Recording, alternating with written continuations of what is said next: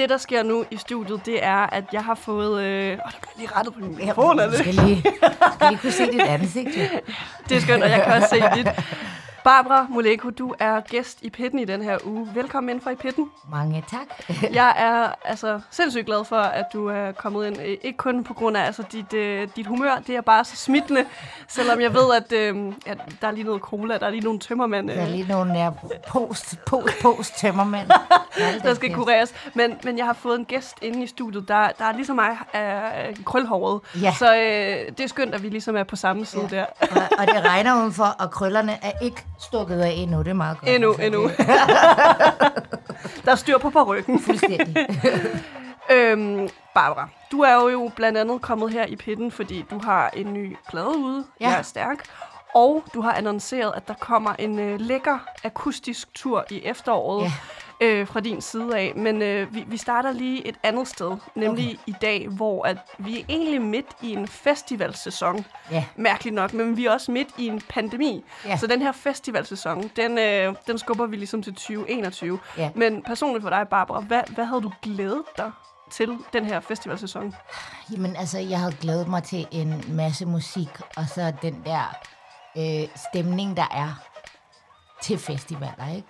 Øhm, og glæde mig til at se mine kollegaer, og få et par dejlige kolde bajer, og tulle rundt i solskinsvejr eller regnvejr, du ved. Øhm, den der sådan lidt feriefrihed, der kommer med, med den her periode, ikke? Øhm, men jeg synes faktisk, at øh, det her corona-helvede faktisk kan et eller andet andet.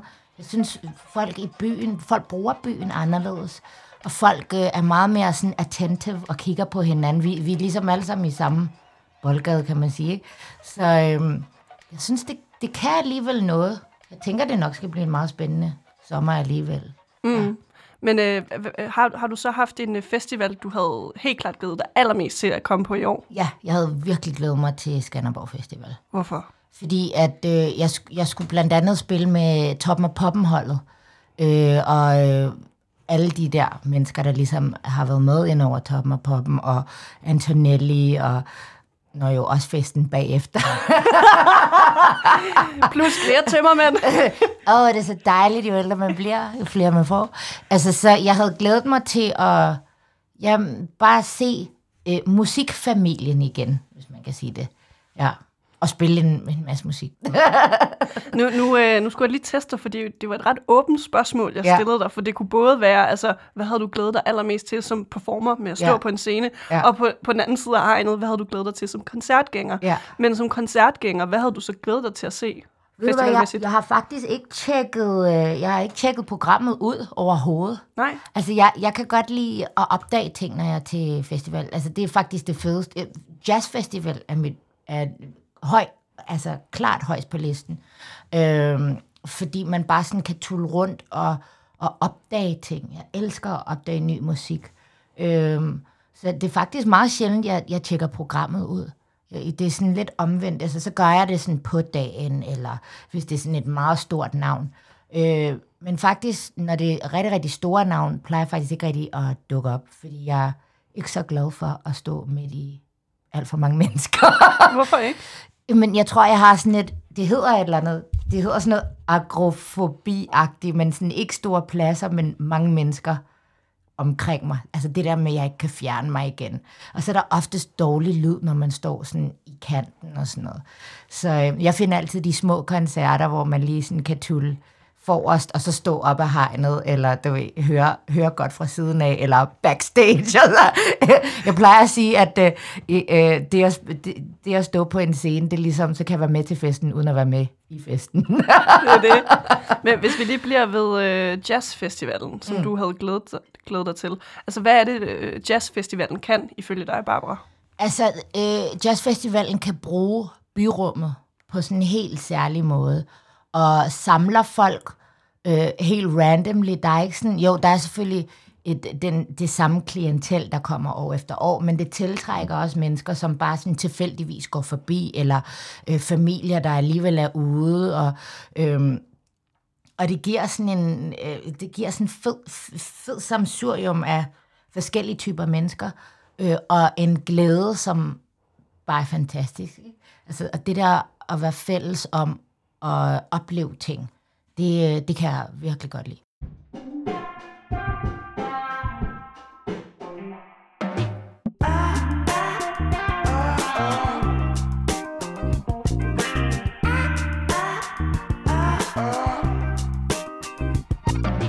Men grunden til, at jeg egentlig øh, åbnede op det her med, altså hvorfor lige jazzfestivalen, Ja. og hvor, hvor du ligesom er placeret under de Ja, her ja, koncerter, det er fordi, at vi her i Pitten med dig i dag, Ja. Barbara Moleko, vi skal undersøge, hvordan du er som koncertgænger. Ja, Så sådan right off the top, hvad er den koncert, du lige nu husker som den allerbedste koncert, du har været til som koncertgænger?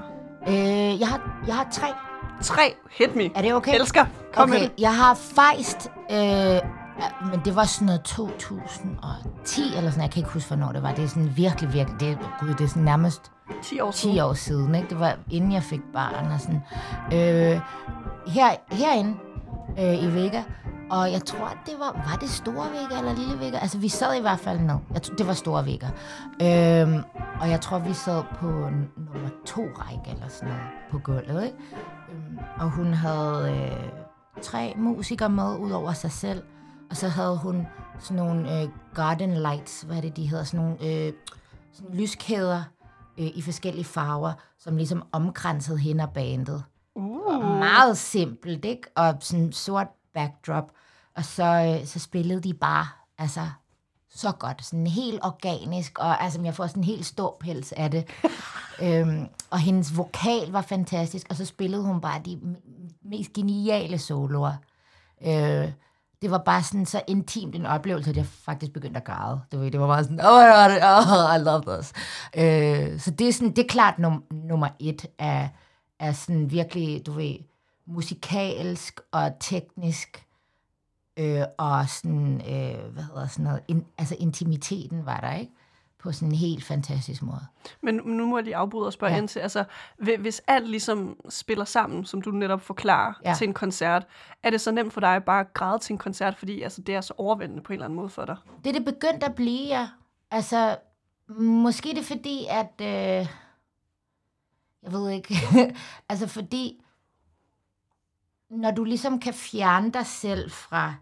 Altså, fordi jeg er vel lidt, øh, hvad hedder sådan noget, øh, ramt af mit fag, ikke? Øh, så man lytter til rigtig mange ting, og har alle ens sensorer ude. Øh, og når, når du så kan i dit fag glemme det helt, og kun opleve musikken for, hvad det er, og melodierne og lyrikken for, hvad det er, så, så føler du bare. Så, ja, så, så begynder jeg at, at græde. Specielt hvis det er sådan meget, øh, du ved, sådan sjælfulde sange, ikke? Ja. Men øh, hvis vi lige går tilbage til den her top 3, ja. Du er kommet med. Vi havde øh, nummer 1, som var Feist, Ja, faktisk. Store Vega, Ja. for 10 år siden. Hvad. Ja. har vi så på plads nummer 2? Så har vi Rihanna ude på... Øh, er du seriøs? ja! Kit, Kit var herinde for et par uger siden, og han sagde det samme. Han var grineren. Åh, oh, men det var jo så vildt, altså. Men, men nu, nu må jeg høre altså, øh, din øh, experience med det. Vi har, vi har fået kids på bånd, øh, Ja, ja, ja. og det kan man høre. Men hva- hvad oplevede du under den koncert? Jamen altså, det jeg allerbedst kan huske, jamen, det var bare sexen. Det var bare sex, altså. Det var så sygt. Altså, det, hun havde de der ho- sådan nogle hotpants på, og så sådan nogle øh, mærkelige seler og sådan noget. Og så, du ved, går koncerten i gang, og vi står helt op for os, fordi vi skulle bare have gode pladser, og plads til at flygte også igen. Øh, og så, hvad hedder det, øh, så lige pludselig, så kommer der bare sådan en rampe frem, og så laver hun catwalk op ad scenen, op på den her rampe, som så er lavet af glas, så bunden er lavet af glas, og så bliver den hejst, og så begynder hun bare at twerke, og du ved, danse op og ned af den, og man kan bare se, altså, cooch og hele måret, og jeg var sammen med min øh, lesbiske veninde, som lige sådan var gået fra hendes kæreste, og sådan noget, så hun var sådan lidt, Uh, og så stod vi bare og havde altså stiv pive til, til Rihannas røv set nedefra. Det var bare sådan, wow! Og så sådan, du ved, bunden og hele det her, du ved, R&B-ting, hvor der er så meget bund i, at sådan, alt bare rumler. Altså, det var bare, hold kæft, det var fedt. Alle de hits, altså. men, men, men, jeg, men jeg er glad for, at du ligesom har haft den oplevelse med det. Jeg var desværre ikke med til den koncert selv. Mm-hmm. I really feel bad for it. Ja. Men alle mine øh, venner og kollegaer, der ligesom har været til den koncert, de var bare sådan, hun var så skæv. Altså, de fattede ikke, hvad fanden der skete. Så jeg, jeg er vild med, at du ligesom har været så tæt på, og sådan Ja. har haft den komplette, altså modsatte oplevelse. Fuldstændig, ja, ja. Altså, jeg har ikke engang drukket særlig mange øl, og jeg opdagede ikke, hun var skæv. Men jeg tror også... Du kiggede på røven, det var ikke op i øjnene, du kiggede på røven. jeg var, Røven fungerede super fint, altså. Den gjorde, hvad den skulle. Men også sådan, jeg tror også, jeg, jeg var til en anden Rihanna-koncert på Roskilde Festival, hvor jeg blev sådan lidt, nå okay, playback, øh, Ja, det var, ja, det var den, ja. rimelig meget. Ja, ja, det var den, det, Ja. det var ikke særlig godt. Men Nej. den på reffen, der synes jeg godt nok, hun øh, var svedig, og hele det der sceneshow, og jamen, det fungerede pis godt. Og, sådan, og det var meget koreografien og sådan noget. Jeg var, vidste ikke, at hun kunne danse. Altså, det var, det var, sgu, det var bare en fest. Eller men, men den her øh, glass catwalk, ja. Ja. er det noget, du måske tiltænker skal med i den øh, akustiske tur til efteråret? Fuldstændig. Altså, det skal bare fylde halvdelen af rummet nærmest, og så skal jeg bare... Look at my cooch! Look at my cooch! Barbara, vi har øh, haft øh, førstepladsen fra dine øh, favoritkoncerter, du har været til som koncertgænger. Vi havde nummer et, Ja. Fejst, nummer to, Rihanna på Ja. Reffen. Hvad finder vi så på nummer tre? Så finder vi... Mere cooch og booty. Øhm, ja. Øh, Beyoncé Hvilken en af dem? på hendes Lemonade-tur. Det var en god koncert. Det var jo den vanvittigste, altså sind, mest sindssyge koncert, jeg har været til. Der, hvor hun sang Love on Top og blev ved med at modulere. Jeg var bare sådan... Jeg får gåsehud. Jamen, kan det du gør se? jeg også. Vi har begge to gåsehud. Uh, det var så sygt, altså. Altså, det, det var jo også bare... Jeg snakkede med nogen, som fortalte, at de der bellpacks, de havde på, ikke? Altså dem der, hvor, så de kan høre, og Ja. øhm, de får nye bellpacks hver gang, de har lavet det der vandshow. Fordi de går i stykker. De Det er kunne klart. ikke tåle en skid vand, og sådan en koster sådan noget 3500, ikke? Og jeg ved ikke, hvor mange koncerter de har sådan i løbet af en uge. Barbara, jeg tror, Beyoncé har råd til det. Jeg tror, hun har råd til det. Men og så, så har de jo tre, tre hold af, hvad hedder det, af biler og busser og helt meget sceneteknikere og sådan noget.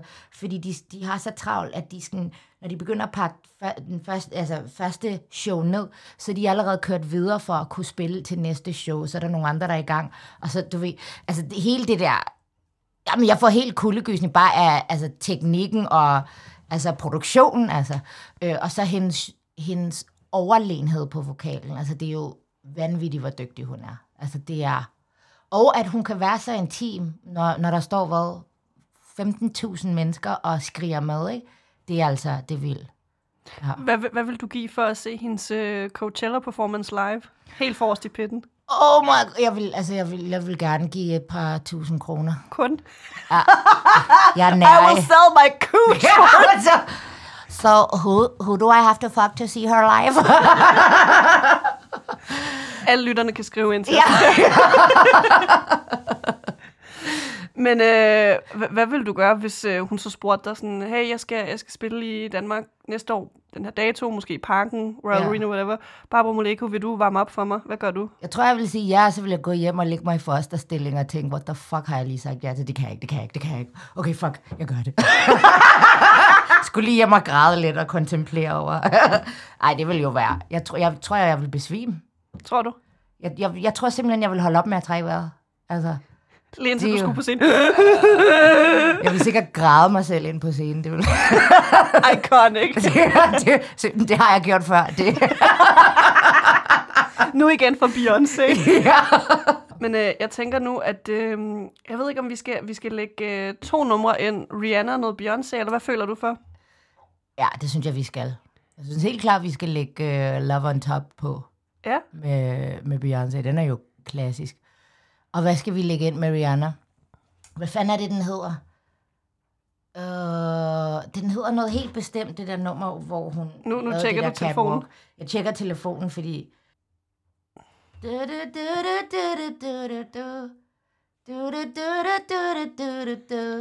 Øh, jeg føler lidt, du er quizzer mig nu. øh, hvad fuck er det, den hedder? Prøv lige at lidt mere. Du, du, du, du, du, du, du, du. Den her, woo. Woo? Ja. Yeah. Okay. Åh! Oh, oh. altså, hver gang jeg hører det, så er jeg bare sådan, oh my god. Ja. woo. Jeg Jamen, bare prøv. Ja. Så, øh, så smider vi øh, lommeren top på af Beyoncé og så Rihanna's Woo. Ja! Yeah. Og så når vi kommer tilbage, så skal vi øh, snakke lidt om, hvordan du er som fan. Vi er allerede ved at åbne op for det. Men vi får, men vi får to numre i streg, og så snak, skal vi snakke om Barbara som fan.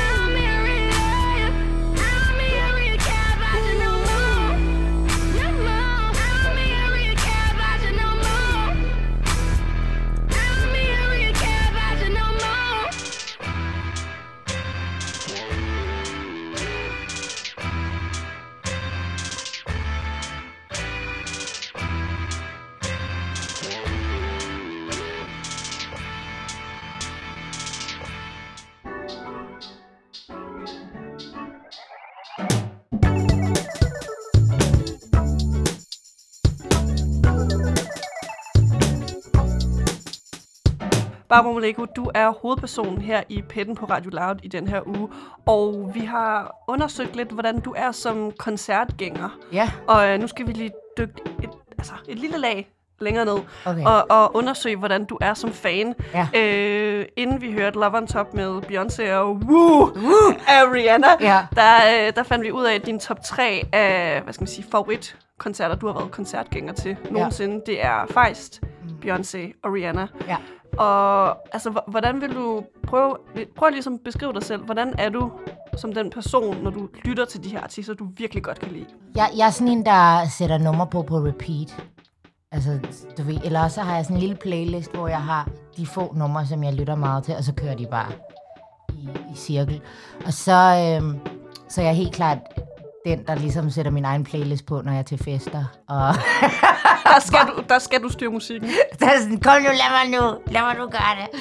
Ja, så jeg tror, jeg er sådan, jeg, jeg er meget lojal i, i den periode, hvor at jeg ligesom forelsker mig i noget bestemt musik, og så sådan bliver det sådan lidt skiftet ud en gang imellem. Ikke så tit, måske en gang om året, eller hver anden år, eller sådan noget. Når du lige føler for det. når, jeg lige, når jeg lige føler sådan, okay, nu har jeg fandme hørt det her nummer til bunds.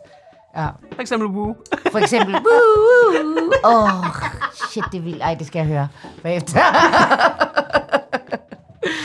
Ja. Men, men du, du har aldrig øh, været i sådan nogle situationer, hvor at du altså, har dyrket en artist så meget, at du nærmest er blevet den her stereotype fangirl. Så du altid står øh, forrest til deres koncerter og bare, øh, hvad skal man sige, sp- er nærmest en øh, ambassadør for den her artist og den måde, du lytter til dem på. Altså, um, måske jo, altså lige, jeg har måske gjort det med Erika Badu. Altså, så, øh, til så vild en grad, at jeg, at jeg fik at vide, at jeg skulle holde op med at synge som hende. Altså, at jeg sådan, simpelthen bare lød som hende, fordi jeg bare havde tjekket hende så meget ud, ikke? Øhm, og, og tjekket, hvad var det nu, den hed? Uh, Baduism, og de, de der første albums, og World Wide Underground og sådan noget. Altså, der, der, der var jeg nok sådan rimelig fangirl-agtig. Og så meget, at jeg efter en koncert, faktisk med øhm, Coco fra Quadron, Mm. KKO. Ja, KKO, det er det, hun hedder nu, ja. Øh, vi øh, vi øh, gik om bagved efter koncerten og fandt banebussen. Og så stod vi ved banebussen og snakkede med alle de der banefolk, og sådan, oh yes, yes, you can have my number, yes, yes, oh, and your percussionist, yes, yes, kom. øh, og så kom Erika Badu ud til sidst, så vi fik ligesom mødt hende til allersidst. Det var sådan, altså, det, det var fangirl moment, altså der, det var bare, oh my god.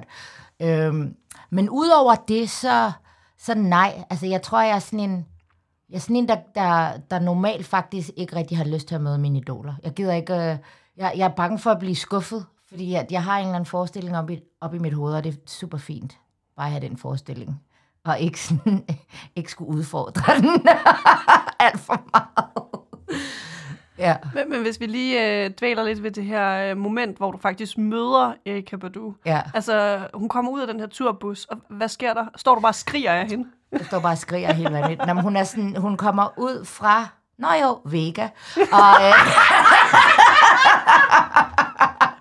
og men, min største musikalske oplevelse har faktisk været herinde. Altså, det er også John Mayer. Ej, lige da han sådan kom ud, hvor han har spillet, der var jeg også helt forrest. Oh my god. Og, og ham, med ham havde jeg det sådan lidt, du kigger på mig.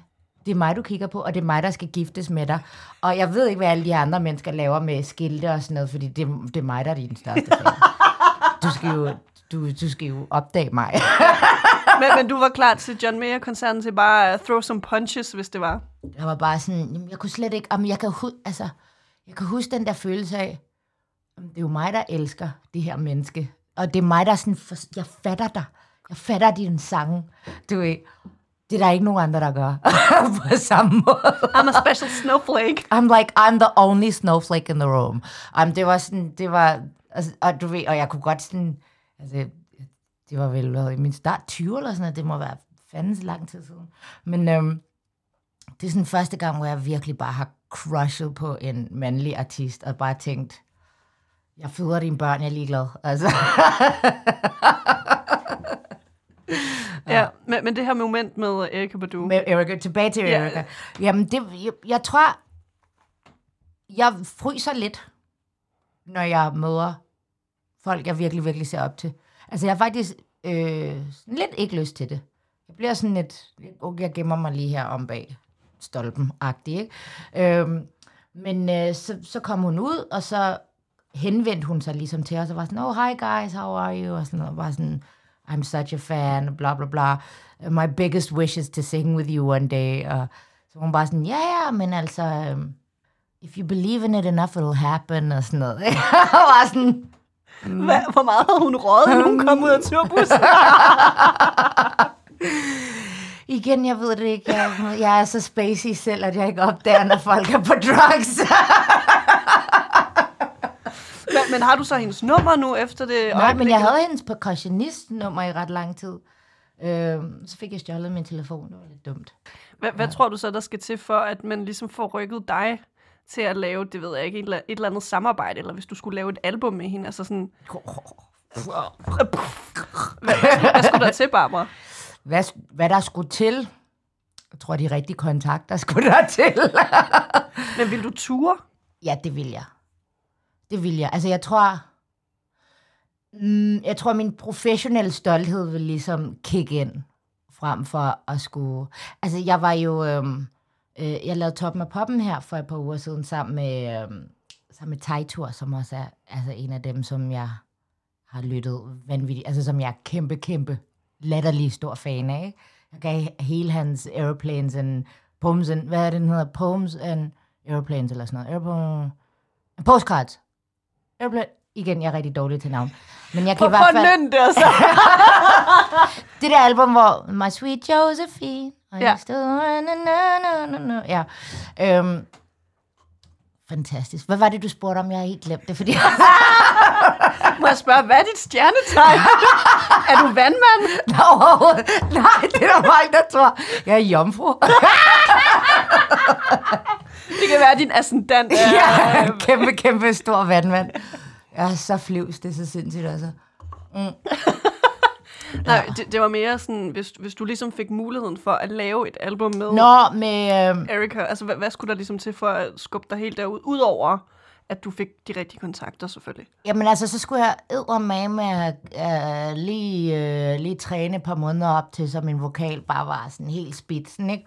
Og lige skrive 5 milliarder gode sange, og lige have nogle, du ved, semi-sketches, så jeg i hvert fald var klar til at, at møde hende og sådan præsentere noget for hende. Og ja, jeg ville virkelig lave noget benarbejde for ligesom at kunne dukke op og være ovenpå, så jeg ikke skulle sådan tænke over, om jeg blev nervøs, eller fik writers block, eller Ja. sådan noget der. Men, fø- men føler du, at det er realistisk? Altså nu, nu er du ligesom ude med øh, Jeg er stærk-pladen. Altså Ja. sådan, er det ligesom det næste skridt i din øh, artistic career, at du måske skal lave det med sådan en hvad skal man sige, collaborative plade med en stor artist som Erika Badu?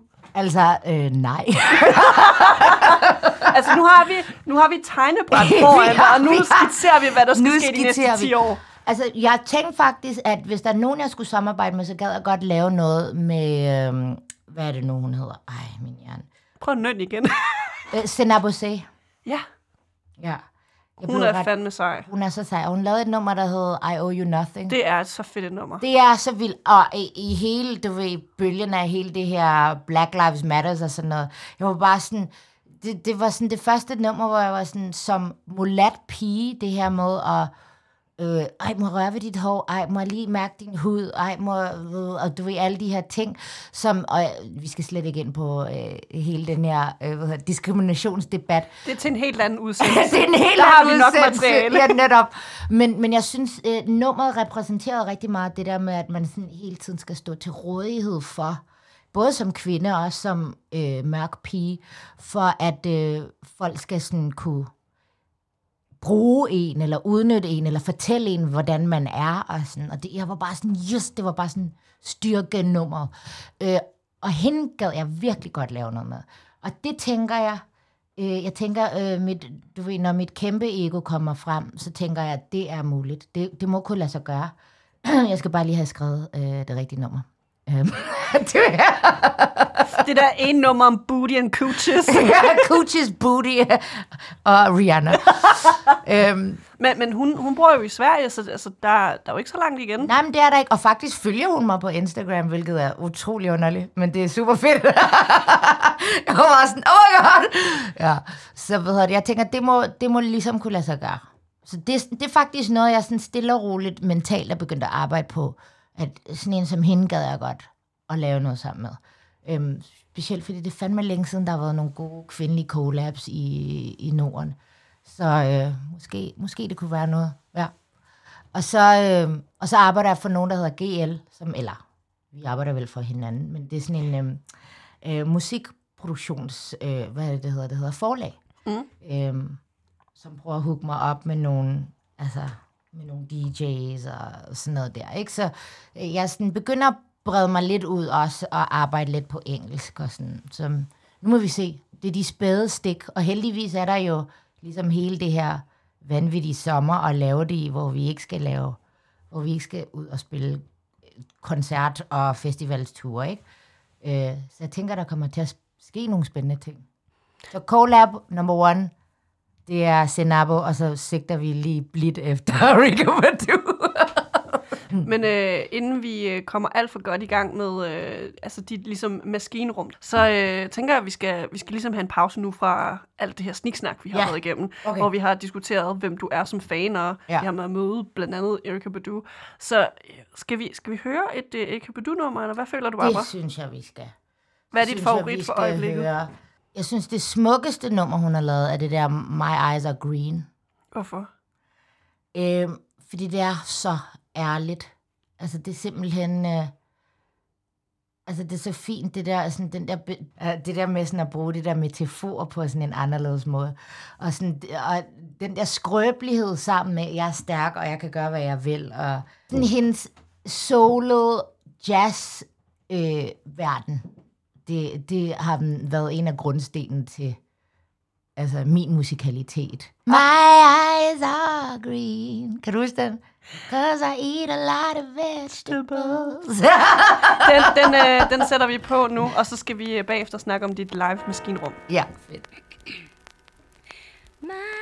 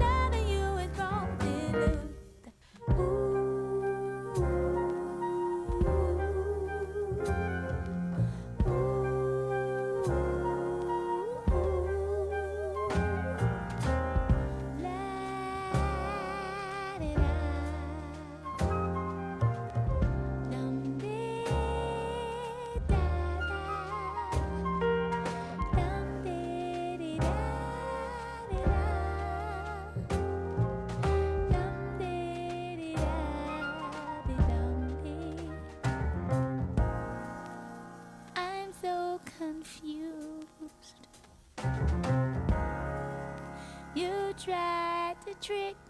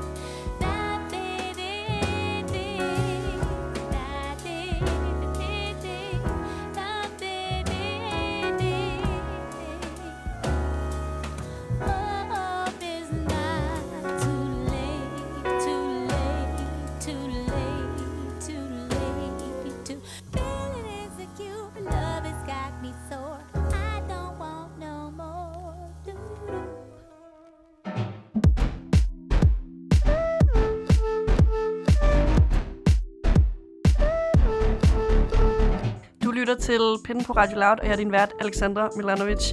Over for mig, der har jeg øh, ja, en rigtig skøn, krølhåret gæst. Det er dig, Barbara Moleko. Velkommen ja. endnu en gang inden for i Pitten. Jamen, mange tak. Vi, øh, vi har prøvet at undersøge indtil nu, hvem du ligesom er som koncertgænger, ja. Men også som fan. Ja. Ja. Men nu er det egentlig uh, tid til at komme over på den anden side af det her pithegn Ja. til dig oven på en scene. Ja, Og du har jo lige udgivet pladen Jeg er stærk. ja. Den her plade, altså hvad, hvilke tanker har det sat i gang for dig i forhold til, hvem du er som live-performer nu? Før i tiden plejede jeg at lave musik, man kunne danse til. Eller, øh, når jeg siger mand, så mener jeg egentlig mest mig selv. Fordi jeg, jeg har det med at sådan hoppe ret meget rundt på scenen. Øh, men jeg har fundet ud af, at sådan, jeg egentlig har sådan lidt en stille, og, eller jeg har en ret stor melankolsk side af mig. Øh, som egentlig altid har været præsent, men da jeg ligesom skulle lave dansk musik, så, så blev det sådan lidt, okay, det, det pakker vi lige lidt sammen. Øhm, der er sådan, der er et par stykker på mit første album, der er sådan ret, det, det er egentlig sådan meget chillet og sådan et soul-ish, ikke? Øhm, men så ligesom, da der begyndte at komme gang i den, så kunne jeg mærke sådan, jeg har virkelig svært ved at stå stille. Og sådan, jeg er over det hele, og jeg er helt op at køre, når jeg står på en scene. Øhm, hvor jeg tror, jeg har fået lidt mere ro på nu. Altså, jeg, hopper stadig rundt, men, men jeg har også energi, eller overskud, eller hvad fanden man skal kalde det, til at stå stille og fortælle nogle historier, ikke? Øhm, så, så det er måske sådan en god blanding af sådan lidt power, men også sådan at dykke ned i det melankolske univers. Og mit univers er jo kærlighed, både til andre, og til mig selv, og til min fucking barn, og til øh, alle de her skide mænd, der har fyldt så meget i mit liv. Ikke? Øhm, Og Rihanna. og Rihanna, Rihannas røv, faktisk. øhm, så det er sådan, jeg tror, at nu, nu der er det måske bare sådan et, et lag dybere, og, sådan, og meget personligt, og det håber jeg, jeg også kan fremvise på en scene. Øhm, ja. Og så er der også nogle numre, som er sådan nogle, som jeg synes er sådan et banger eller sådan, eller hvad man kan sige, sådan lidt øh, syng med-agtigt. Så det er sådan, det er lidt der, jeg tænker, jeg tænker, der skal være noget til hele følelsesspektret, ikke? Og hvis vi nu bliver ved øh, Jeg er stærk-pladen, Ja. når du ligesom kigger på det her øh, katalog af ja. Sange, der er præsenteret på pladen, Ja. øh, prøv lige at forklare os, hvilke af sangene har du så skrevet til, yes, det her skal fungere til en for eksempel singalong på scenen? Altså, Ja. Hvad har du tænkt der? Altså, veninder, øh, det, det, øh, den hedder ikke veninder, så jeg kan ikke engang huske min egen fucking nummer. Jeg Volume? Volume, ja. Tak skal du have. Fuck mig i Jeg, føler, jeg altså. føler lidt, altså hele den her interview-session, vi har, det er nærmest som om, du quizzer mig. Kom nu, har du tjekket mit repertoire ud? Hold kæft. Ja, volumen.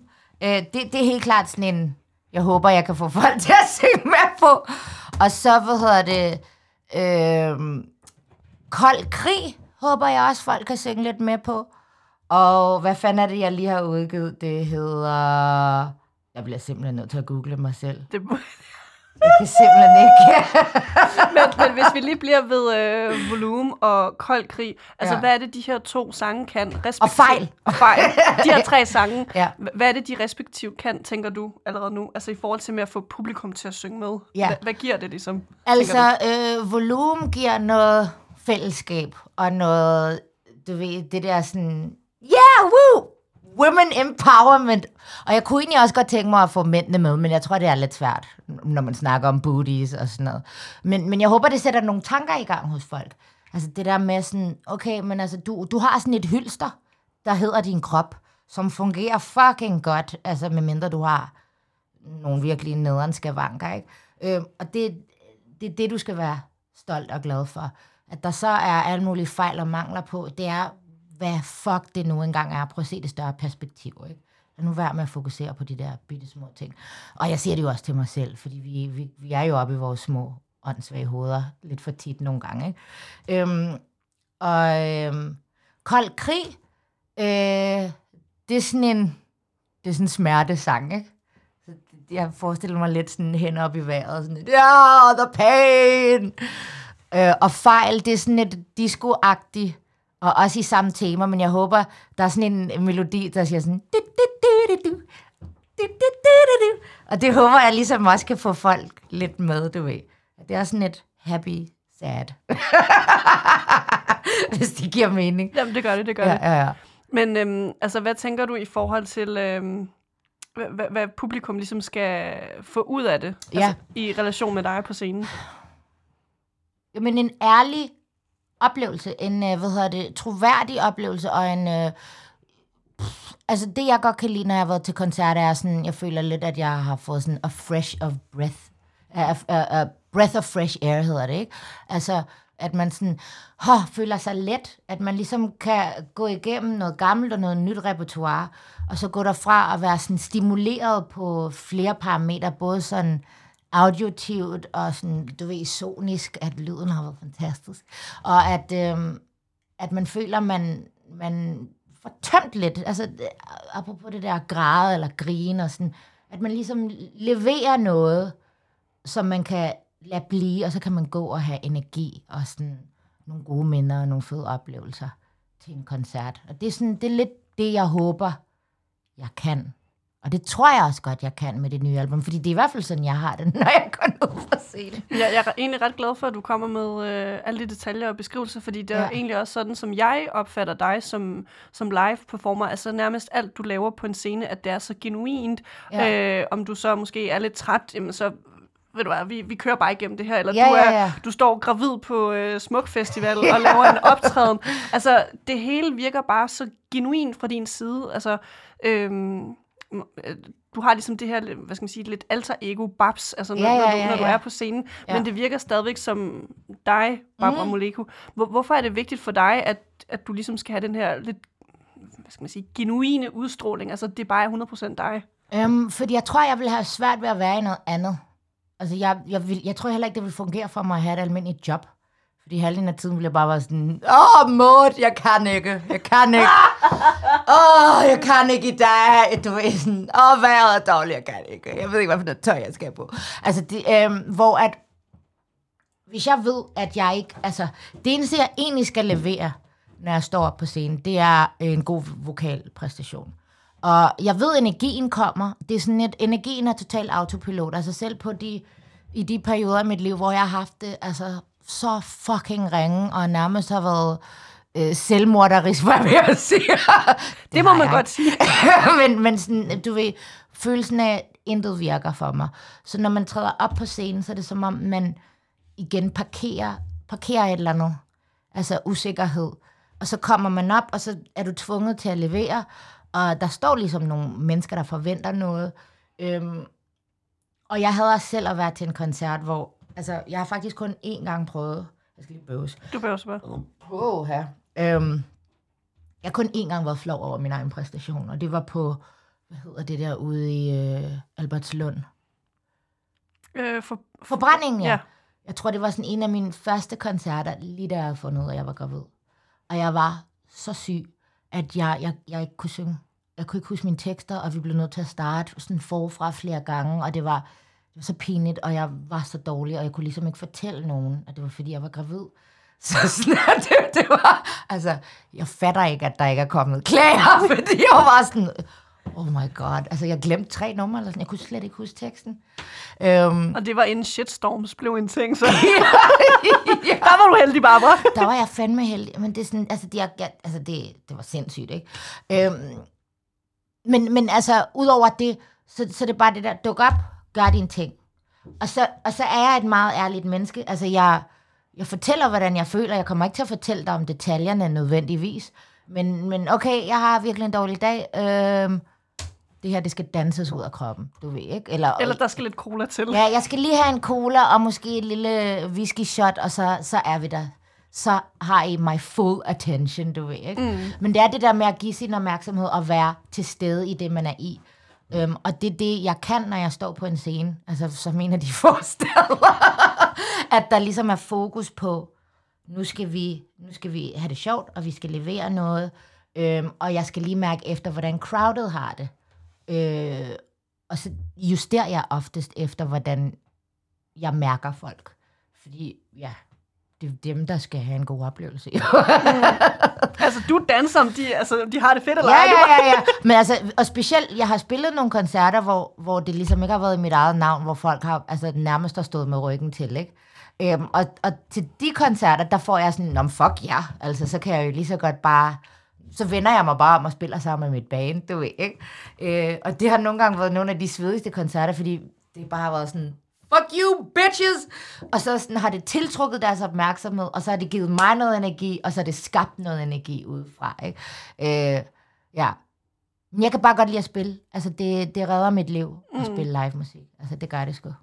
Det kan man også virkelig mærke på dig. Altså, Ja. ja. igen, som vi talte om lige før, at du er bare sådan helt genuin Ja, performer. men tak. Det er jeg virkelig glad for, du siger. Og det her med, at du er en uh, live performer, Ja, den her nye plade, Jeg er Ja. stærk. Jeg tænker, at vi skal have en, uh, en sang herfra. ja. Øh, den sang lige nu, som du glæder dig allermest til at spille live, når øh, corona lige har øh, dulmet sig lidt. Øh, jeg glæder mig til at spille... Øh, Du swiper op på din telefon. Jeg, jeg swiper op. For, det er fordi, jeg, jeg har skiftet navn på mine sange så mange gange, og fordi jeg ikke har været ude at spille, så har jeg ikke kigget på dem.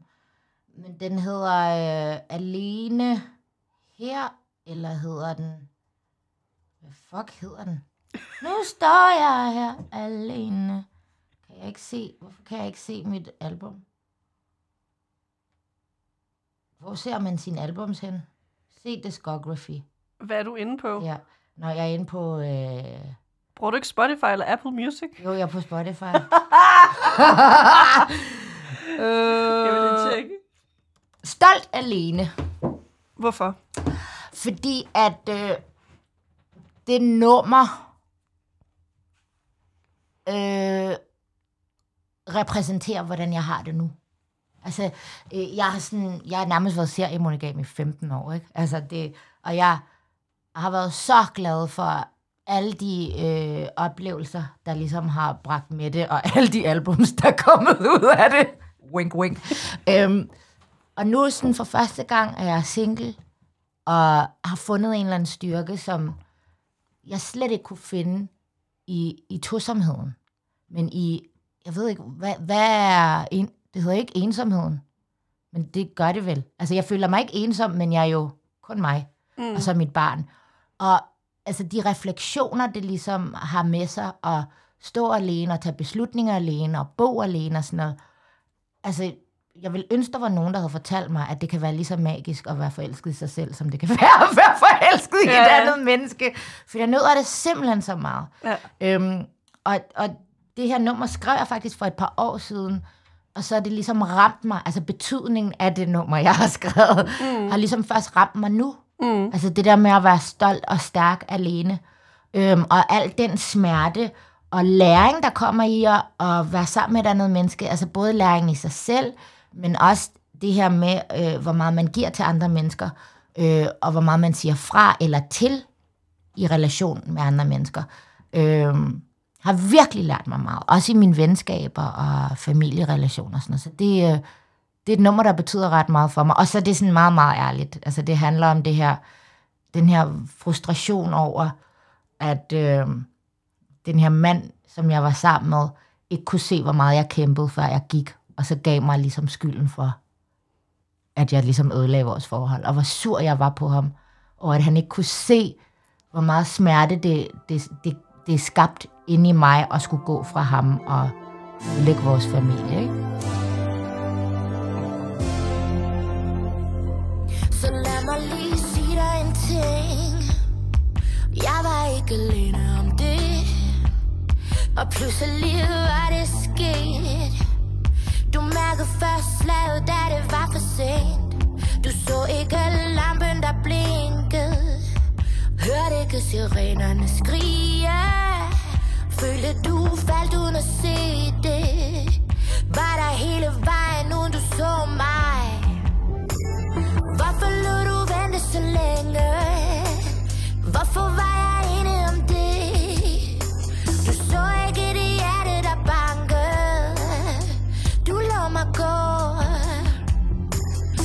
Hvorfor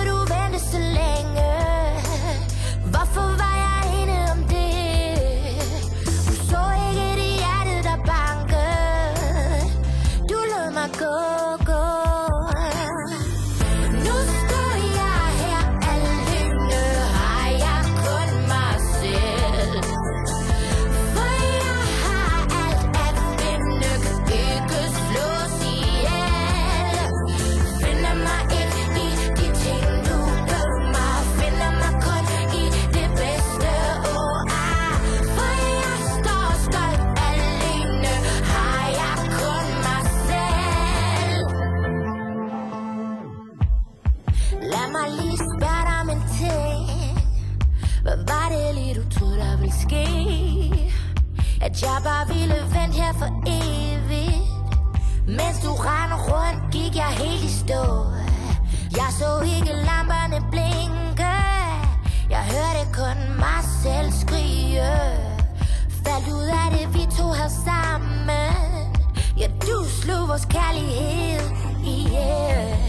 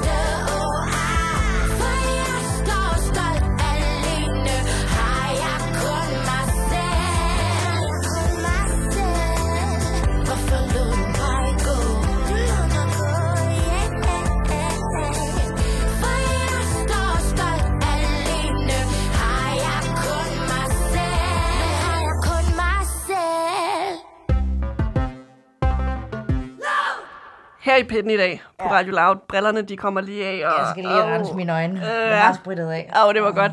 Men øh, vi er simpelthen gået fra Coca-Cola ja. Ja. til øh, øl med alkohol i nu. Ja. Øh, ugens gæst her i pitten, det er dig, Barbara Molego, og du tager en god slurk af din øl. Lige ja. for øh, kommet op på de her... Øh, ja. Hvad er det? Anden dags tømmermænd, du er på, eller? Jamen, det må så være faktisk øhm, tredje dags tømmermænd. Hvordan kan det overhovedet lade sig gøre? Jeg forstår det ikke helt. Altså, jeg, jeg tænker, efter udsendelsen skal vi måske planlægge en bytur sammen, eller eller andet, og så kan vi se, hvem kan holde tømmermændene længst. Åh, ej, jamen altså, to dage i streg, det er altså lige, jeg ved ikke. Ja. Men jeg er også sådan forholdsvis øh, ny i gamet. Ja. I forhold til sådan, men også bare det der med, at man går og småpimper, når det er godt vejr, ikke? Ja, det er det. Lige to-tre øl, og så lige, åh, oh, ja. Men måske er du også bare kommet ud af form, fordi du ikke er ude at performe nu, så Ja, men, faktisk, når jeg er ude at performe, drikker jeg ikke særlig meget. hvorfor ikke? Jamen, jeg tror, jeg bliver mæt af indtryk. Okay. Jeg kan godt lige drikke en lille drink inden, og så måske en øl eller to efter. Men det er sådan, specielt hvis man er på sådan kontinuer, altså når man er på tur og sådan noget, så det slider sgu for meget på en. Og, og sådan, tit er jeg fuldstændig drænet. Øh, op til, så jeg skal lige sådan, oh, du ved, have en kop kaffe, inden jeg går på scenen. Og så efter er man pumpet, så er man sådan, woo, øl! Og så, piu, så, så dykker man, fordi man bare har brugt al sin energi, ikke? Så det er sådan, ja. Der har ikke været, altså jeg har faktisk ikke haft, og så vi, nærmest alle i mit band, eller faktisk alle i mit band har børn. Ja. Jeg er den med færrest børn. For nu. For nu. så du ved, så det er sådan også, øhm, den har ikke rigtig været der, så har det været sådan, okay dreng, på den, på den 16. et eller andet, der, der efter job, så skal vi i byen, hjem og aftale det med jeres koner. Og så gør vi det, ikke? Ja. Men det kan faktisk kun ske to gange sidste år, tror jeg. Ja. Er du så også typen nu, øh, nu hvor du altså, er mor og så videre, ja. at du på, på writeren ligesom skriver, at der skal være øh, ingefær shots og kale chips, og, eller, eller hvad sker der på din writer så? Jeg tror, at øh, writermæssigt, der er jeg satan. Altså, fordi jeg er multiallergiker. Okay. Øhm, så der står sådan virkelig jeg skal have alt muligt, ikke? Og det skal være glutenfrit, og det skal være nødfrit, og det skal være laktosefrit, så der skal stå havremælk, og det skal være det og det brand, fordi øh, for eksempel den der Oatly, I har derude, ikke? Den skiller, når den kommer i kaffen, det skal jeg fucking ikke have, og hvis der ikke er det, så må der godt være øh, sojamælk, og så skal jeg have, du ved, ikke? Og så skal jeg have sunde snacks, øh, Kale chips! Kale chips, bitches. Så skal der være øh, sandwiches til drengene, øh, der sådan sætter op, og pigerne, hvis der er nogen af dem. Øh, der skal, listen er bare sådan ret øh, punktligt udført, og så altså, ude i provinsen, der, hvad hedder det, er alting ikke lige så tilgængeligt. Vel, heldigvis er Rema og Superbrusen og sådan noget kommet godt efter den, men... Øh, og folk ved fandme ikke, hvad multiallergikere er. Altså, det gør de nærmest ikke i København. Så det er jo klart, det går galt. Så det er sådan, ja, så udover det har jeg nærmest min egen madpakke med. Men ja, der skal være mynte og, og ingefær. Men, men det, er godt, vi, det er godt, vi kommer ind på, øh, ind på Rider nu, fordi ja. Ja. det, der skal ske nu, Barbara, mm. det er, at vi, øh, vi skal lukke den her godtepose op, der hedder øh, Barbara Moleko live-koncerter. Ja. Så din, øh, hvis vi starter med turnéen her til efteråret, Ja. den er akustisk. Ja, Hvorfor? fordi der ikke er nok penge til et fuldt band. Det er ærlig snak. Det kan jeg godt lide. Det kan jeg godt lide. Jamen, jamen det, det kan ikke, øh, hvis jeg også skal kunne lønne mig selv, så kan jeg ikke have for mange mennesker på. Øhm, så det, det bliver simpelthen småt og godt, for at vi kan komme ud og spille så meget som muligt, og øh, logistisk også kan være i en banebus, og det kan betale sig med... Altså, fordi jeg er jo bare en enmandsfirma, så det er jo egentlig mig, der, der, der, der betaler alle, ikke? Øh, og, og betaler bookingbureauet for ligesom at sætte det hele op. Så hvis det skal kunne køre rundt, og man også skal kunne sove på andet end cabin, så... Øh, så, Og hvis man skal have råd til den her dyre rider, du har. og den er vanvittig rider. Men det er også meget godt, at vi snakker om det, fordi så ved folk, at det ikke er, fordi jeg er sippet. Der er virkelig tit, altså, hvor jeg nærmest selv har haft diskussionen med, med dem på spillestederne, hvor jeg er sådan, prøv her, jeg ved godt, det lyder latterligt, men I bliver nødt til at læse rideren ordentligt, because you're gonna fuck me up, hvis, hvis I ikke gør det. Altså, må du egentlig så godt bare sagsøge dem, hvis de bare... Altså, vi har lavet sådan en lille klausul, der hedder, at hvis, altså, hvis jeg får et eller andet forkert og får det dårligt, så kan jeg aflyse, og så skal de selv betale for det, ikke? Øhm, fordi at... Øhm, jeg har prøvet en gang, hvor jeg fik en lasagne. Kun én lasagne, og der gik det galt. Du skal have minimum 10. jeg skal have 10. Nå, men jeg, jeg kan ikke tåle gluten, jeg kan ikke tåle laktose, jeg kan ikke tåle løg og hvidløg. Altså, er hele meget You fucked. Du ved, og så, så spurgte jeg sådan flere gange, er, det, er du sikker på, at det her det er til mig? Fordi den ser lidt for lækker ud. du ved, ikke? Den ser simpelthen for godt ud. Det, det er for godt til at være sandt. Ja, ja, selvfølgelig. Ja, ja, ja, ja, ja. Det var det, og det var i sådan en lille bakke, og du ved... Og sådan, fedt mand! Og så går jeg i gang med at spise. Lige pludselig, så sådan, mens jeg spiser, så kommer der bare en dude, og nærmest bare, altså, fucking vælter ind over bordet og hiver den der lasagne ud af hånden på mig, og så sætter en ny foran, som bare var sådan noget, du ved, sådan noget tørt kødsovs, der lå, hvor jeg var sådan, det er ikke den samme. Jo, jo, men det var bare fordi, at den her, den var varmere. Og den, "Jamen, det er jo ikke, det er jo ikke rigtigt. Har du, gav du mig noget forkert? Nej, nej, nej, nej, nej, nej, nej, nej. Og jeg fik det så stramt. Altså, så kunne jeg lige tage nogle laktosepiller, fordi det ligesom hjælper på det. Ja. Men altså, så ligger jeg jo i kramper bagefter jo, ikke?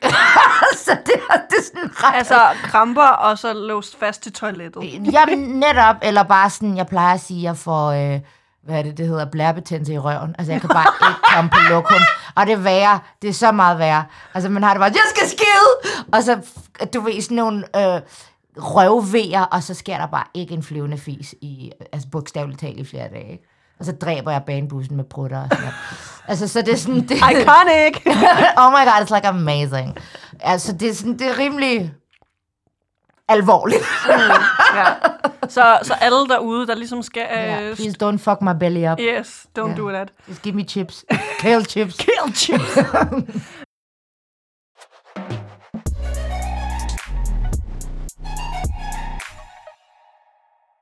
Men, men øh, nu har vi ligesom fået øh, den her forklaring på, hvorfor at øh, din efterårsturné, den er akustisk. Ja, Men hvis man nu kigger øh, overordnet set på øh, Barbara Moleko koncerter, ja. altså øh, hvad vil du sige er dine perfekte værktøjer til at lave altså et helt spidse Barbara Moleko live show? Perfekte værktøjer. Øh, det gode band. Øh, og tid til at øve. Så sådan tid til at forberede, altså forberedelserne er meget, meget vigtige. Og det er også forberedelserne, inden jeg går på scenen. Jeg skal sådan, altså i gamle dage brugte jeg sygt meget makeup inden jeg skulle på scenen. Så jeg havde lige en time, halvanden, hvor jeg lagde makeup og så lavede jeg 7 minute workout, og så kunne jeg ligesom komme ud og møde, møde bandet, ikke? Hvor nu der bruger jeg ikke så meget makeup, øh, som jeg har gjort, men så sådan låser jeg mig bare ind i rummet alligevel alene, og sidder og hører noget musik, og sådan prøver lige at lande, og du ved, yoga er den lidt, hvis jeg kan overskue det, eller sidder ligger i en planke og sådan. Bare det der med sådan at, at sådan zone ind på, hvad der ligesom skal ske. Øhm, og forbereder sådan mentalt nogle ting, fordi jeg- det der med sådan, okay, men så sætter vi noget ind her, her, her, øh, hvor du kan sige noget og sådan noget, det går altid galt. Jeg kan ikke forholde mig til sætlisten alligevel, altså, jeg bytter om på numrene alligevel, og så, sådan, så er, er der ligesom, okay, hvad vil jeg gerne snakke om i dag, og hvilket nummer vil jeg gerne fokusere på i dag, øh, som jeg kan mærke, hvor jeg er lige nu, agtig, ikke? Øhm, så forberedelserne er det, der ligesom definerer den gode koncertoplevelse. Og så altså scenografien, hvis man kan kalde det det. Altså det der med, at man kan se hinanden ordentligt, men også, at der, der er et eller andet bagved, som ikke, altså at tingene ligesom er rolig, så man kan fokusere på det, der er vigtigt. Det er det, der er vigtigt for mig. Det er det, der ligesom udgør det. Jeg laver fakta. Fakta. Der er ikke nogen, der kan se det, men Barbara, hun laver fakta. babidi, jeg er italiener. Men det, det er interessant, at du øh, ikke nævner noget, som øh, jeg synes er lidt, hvad skal man sige, øh, definerende for dig som live-performer, når du laver dine live-koncerter, Ja. som egentlig er den her øh, gnist eller kommunikation, du har med publikum. ja. Hvordan altså, udtænker du ligesom, inden, inden du skal på den her scene, sådan, åh, i dag skal jeg lave fis med dem, eller jeg skal Det gør jeg ikke. Nej, det gør du ikke. Hvorfor? Nej, fordi det sker bare... Altså, fordi jeg kan seriøst ikke holde en fucking plan. Altså, jeg kan ikke... Øh, hvis du kommer til tre koncerter i streg, så sker der tre vidt forskellige ting. Der er no rød tråd. Altså, det er... Sorry. I'm so sorry to tell you this. Jo, der er måske øh, nogle få jokes, øh, som, som jeg gentager, men der er simpelthen ikke nogen rød tråd. Altså, det er simpelthen bare... Jeg når, det når sikkert ikke engang at komme op til min hjerne, før det kommer ud af min mund. Det er meget sådan her og nu-agtigt. Og det, det kan jeg ret godt lide, men det kræver kraftet mig også noget af mit band, fordi sådan, når, når de, altså, min øh, nuværende trommeslager er meget sådan, han er super fed. Øh, Birk Nævl hedder han, og han er meget sådan, godt, og hvad skal der ske? Og det er også ham, der ligesom er toastmaster, var ved at sige. Eller, det hedder det ikke. K- kapelmester, og sådan holder. ding, ding, ding. Men sådan, du ved, organisatoren i, i vores lille band, ikke? Øhm, og jeg fucker det bare op. Altså, det er bare sådan, hov, nej, jeg glemte lige det der, okay, tilbage, eller, ah, det der nummer gider jeg ikke at spille alligevel, eller, hov, jeg glemte lige et nummer, eller du ved, ikke? Øhm, så de skal eddermame holde øh, tungen lige i munden, øh, for ligesom at kunne følge med. Så det er sådan, det er ret, altså for mig er det meget, meget vigtigt, at jeg har nogle mennesker, der kan holde ud, at jeg er så distræt. og så øh, intuitiv, eller hvad man skal kalde det. Fordi ellers så, så ville det ikke være fedt for mig. Altså hvis de blev sure eller irriteret og sådan noget. Fordi jeg er, det er bare sådan, hvad skal der ske i dag, du ved? Okay, i dag der gider jeg ikke at snakke særlig meget. Eller i dag der, der er koncerten 80 minutter lang, fordi jeg plaprer som en i helvede. Ikke? Altså det er sådan meget forskelligt. Ja. Men, men ja. øh, altså, nu nævner du det her med, at det er egentlig, altså, øh, nøglen til et perfekt live show for dig, det er egentlig i forberedelserne. Ja. Men hvad hvis, altså for hele aften, den her koncertaften, ja. hvad skal der ligesom til for, at den er helt speciel? Er det bare altså forberedelserne, eller hvad tænker du der? Jamen forberedelserne og at bandet er med. Altså det, er sådan, det betyder virkelig meget, at jeg kan mærke bandet. Og også at jeg kan mærke publikum. Altså det, der kan slå mig rigtig meget ud, det er, øh, det er folk, der snakker meget, meget højt øh, til mine koncerter. Øh, jeg har ikke noget imod det, hvis de står bagerst, eller hvis, altså folk må egentlig også godt stå med siden til at, at tale lavt og sådan noget. Men jeg, hvis, specielt hvis jeg har, altså øh, de sidste par koncerter, jeg fik holdt, inden alt lukkede ned, der har det jo været meget sådan, øh, der der været mange stille numre. Øhm, og jeg tiltrækker jo altså alt fra teenager til øh, nybagte forældre, der ligesom skal ud for første gang Til helt gamle mennesker. til helt gamle mennesker, du ved. Og man kan simpelthen mærke sådan nogle af de der mennesker, der bare ikke har været ude i. Det er nærmest, nybagt forældre er nærmest værst. Det kender du måske fra dig selv. De bliver så stive så hurtigt, eller sådan, du ved, man kan se sådan fire tøser, der lige sådan, Woo, nu skal vi satme, og så bliver de fulde, inden koncerten overhovedet er gået i gang. Og, og jeg tyser sgu bare på folk. Bare sådan, stop, godt, nu øh, organiserer vi lige. Jeg er tre, der er flere om bagved, så kan I snakke alt det, I vil. Du. Fordi det slår mig ud, og jeg kan se, at det slår andre folk ud, og så sådan, det kan jeg slet ikke have. Øhm, så det er, sådan, det er en af de ting, hvis jeg ikke får sagt det højt, så kan det ødelægge, ødelægge øh, min aften og ødelægge min oplevelse, fordi så zoomer jeg ind på det, og så kan jeg slet ikke tænke på, hvordan resten af aftenen er gået. Ikke? Øhm, man skal være forberedt på, at man får nogle eller verbale øh, reprimander, hvis man snakker for højt til mine koncerter. Det kan jeg simpelthen ikke overskue. Men, men jeg tænker, vi, vi lige kan dvæle lidt ved øh, det her med, at du, du kom lidt ind på det, at du nærmest er blevet en, altså en folkekær musiker i, musiker i Danmark. Altså, Ja.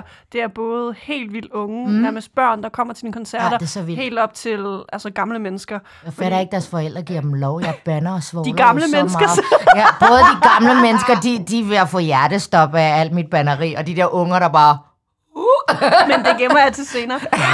men, men prøv lige at forklare, Barbara, altså, hvad, hvad udtænker du så, når du øh, skal lave en setliste, for eksempel? Hvordan kan, kommer du ligesom til at please hele det her spektrum, aldersspektrum, hvis vi skal kalde det sådan? Jeg, jeg tror ikke, jeg tænker over at please folk. ja, ja, det, er meget, det er meget egoistisk. Altså nej, der, er- du ved, der er mine hits, øhm, dem har jeg også lyst til at spille, fordi sorry, det er ligesom nogle numre, som alle kender. Og det er fedt at spille numre, man kender, fordi det er fedt at spille numre, som folk gider synge med på. Og så er der øh, toppen af poppen, tingene, du ved, øh, Indianer. indianer og, øh, og, og Paul Krabses, øh, så nogen som os. Øh, de to numre ved, jeg ved, jeg ved at øh, det ældre klientel elsker sådan nogen som os. Så hvis der er rigtig mange ældre, så spiller jeg det nummer. Fordi det, altså, hvis man lige skal have en tudetur uh, all the way around, så skal man bare spille det nummer. Og jeg, og jeg elsker det. Så jo, jeg pleaser vel lidt på den måde. Ikke? Øhm, den er der hver gang. Det er så fedt. og sådan, hvis man lige vil have folk til at synge med, og lige svare lidt, og reminisce, og sådan. Øhm, men udover det, så, så laver jeg setlisten, så det passer til et flow. Og så jeg kan snige så mange nye numre ind som muligt, men uden at folk begynder at kede sig. Øh, så der ligesom er måske to numre, som er sådan lidt ukendt, og så et par numre, folk kan virkelig give den gas til. Øh, og så lige, du ved, lige flet sådan lidt ukendt ind. Men, men øh, Barbara, der er faktisk en grund til, at jeg ligesom spurgte lidt ind til det her med setlisten, fordi ja. Det er det, vi skal til at lege lige om lidt. Nå, ja, det- men ja. det er derfor, der er et pa- stykke papir foran Nå, dig. Men øh, vi, vi, skal, vi skal høre et nummer først. Ja, okay. Selvfølgelig et fra dit repertoire. Mit repertoire. Øh, lige sådan øh, fra hoften. Ja. Det er altså dit favoritnummer, du bare elsker at performe på en scene. Øh, tag min hånd. Hvorfor? Fordi at det er blevet så folkekært et nummer. Jeg, jeg, ved- jeg, jeg ved ikke lige, hvornår det skete, men alle kan synge med et eller andet sted på det nummer. Øhm, og man kan se sådan folk, de sådan bouncer lidt. Og, sådan, øh, og det, det er ret sjovt, fordi jeg tror, øh, når man skriver et nummer og udgiver det, så har det ligesom sit eget liv. Så når man ikke altid at opfange, om det bliver spillet meget i radioen eller ej. Men Tag min hånd har ligesom været sådan en af de numre, som folk sådan nærmest siger efter, øh, efter indianer er dum for dig. Så er det bare sådan, ej, det der Tag min hånd, det er simpelthen så smukt. Og jeg er sådan, "Nå, okay, fedt. Tak for det. Nå, så spiller jeg da lige det igen. og så er det fedt, det, det er et nummer, der kom rigtig hurtigt i studiet. Jeg, jeg skrev det sammen med en pige, der hed Ingelina, og, og Lasse, øh, som er sådan min producer, boy, ikke? Øhm, og jeg tror, vi skrev det på sådan to-tre timer eller sådan noget, hvor vi sådan gik ind og vibede og sådan la la la la la. Altså det var nærmest bare la la, og så havde vi lige et færdigt nummer, ikke? Så det er sådan, ja. Ja, det, det kan vi lige øh, dvæle lidt ved. Ja. Og så når vi kommer øh, ud på den anden side af Tag min hånd, Ja, så skal vi lege den her øh, setliste-leg. okay, okay. Lad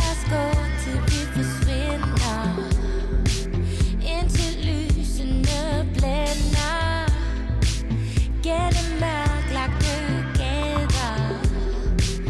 Uforstede steder som en stjernevej Ingen ser lyser du for mig Men jeg vil lære helt ind under dig. Giv mig bløde kys Der hvor alt er nyt. Kom og lad mig tage din hånd Og vise dig hvordan Langt forbi det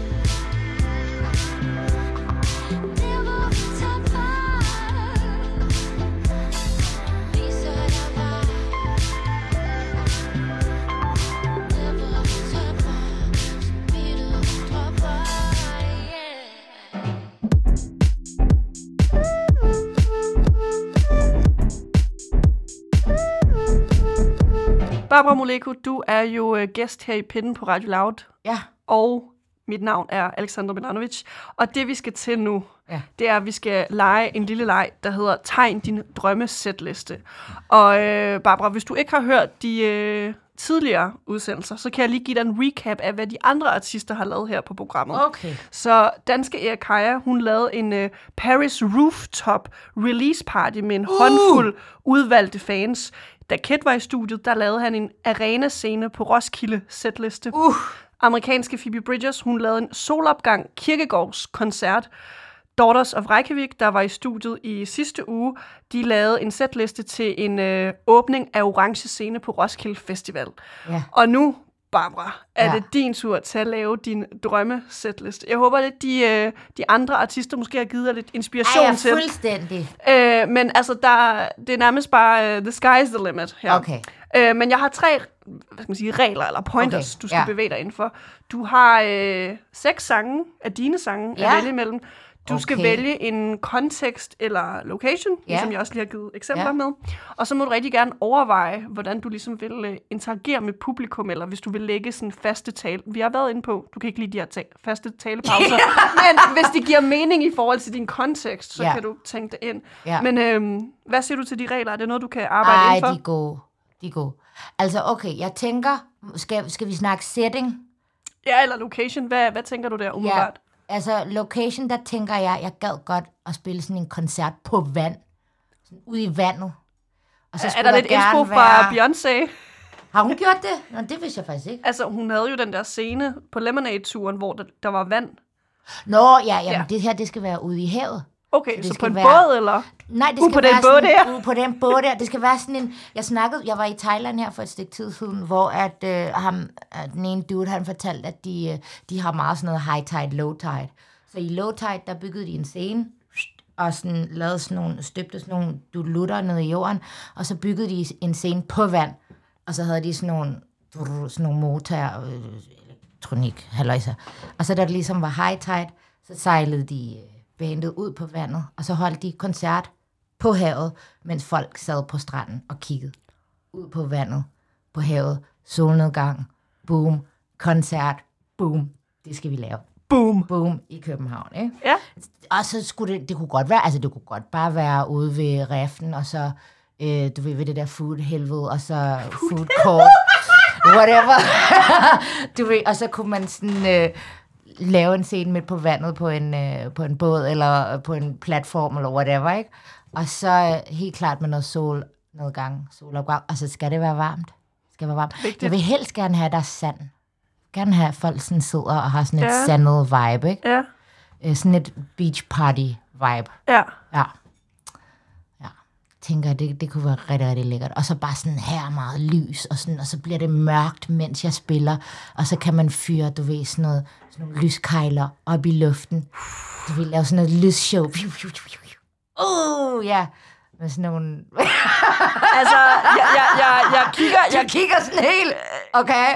Nå, men jeg kigger sådan, øh, okay, på dig, fordi at jeg tænker sådan, øh, jeg håber, du ligesom skriver det bag øret, fordi det kan være, måske det skal ske i 2021 eller et eller Ej, andet. men jeg vil elske det. Uff. Altså, Ophelia Plads, der laver de nogle gange sådan nogle bitte små koncerter. Men der er ikke sandt. Der er ikke sandt. Det får vi importeret.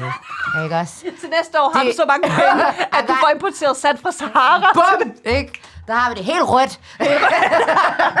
Men, men skal vi skrive det som uh, titel på din... Uh, du har et stykke papir og en kuglepen ja, ja, foran og så dig. kan man gøre sådan her. Kan man ikke? Oh, den her, den virker ikke helt. Overhovedet? Jo, jo, nu gør den. Okay. Så laver vi en scene her. Ikke? Og så er der vand. Bum, bum. Og vand her. Og så er der noget strand. så jeg kan ikke tegne. Vil, vil, ja, vil du måske give det en titel? Uh, Nå, titel. Jo, jo, men nu laver jeg lige det her. Det er vigtigt for mig. Du må ikke afbryde mig. Ah, okay. Hvad skal det hedde? Det skal hedde, øh, det skal hedde øh, Beach. Bar- Barbaras Beach Party. ja, Barbara Molekos Beach Party. ikke? Oh! Ja. Det lyder næsten som en bar, der øh, snart skal poppe op. Molekos bar. Ej, men prøv høre, jeg har faktisk lidt planer om, at jeg en dag skal åbne noget spiseri af en eller anden art. Er det ude på det der food court helvede? Fanden fuck nej. Jeg kan faktisk virkelig godt lide det, men nø. Det er mit ego for stort. I'm a classy bitch. I'm a classy bitch. Nå, nu, øh, nu har du ligesom de her, øh, den her point om, at du skal vælge imellem, altså seks af dine sange. Ja. Ja. Så hvad åbner du det her øh, sæt med? Jeg åbner helt klart med at tage min hånd. Hvorfor? Fordi at så er, the, så er scenen ligesom sat. Så vi, altså, og det, vi skal, altså, og det skal være pumpen, ikke? Det skal være sådan et disco. Du, du, du, du, du, du, du, du, du, du, du, du, skal det åbne med, og det skal være lang tid. Så man bygger op, og bandet sådan starter lavt og bygger det hele op, og det skal være altså gode subwoofers. Altså man skal kunne mærke det i sandet, der hvor man sidder. Det skal være på en strand. Ja. Man skal kunne mærke, at jorden nærmest pumper. Så man kan nærmest se de her øh, sandkorn, Ja, som hoppe op og danse. Ja, netop. Oh. Så folk skal nærmest have sådan den her feeling af, at de har lyst til at rejse sig op og stå og...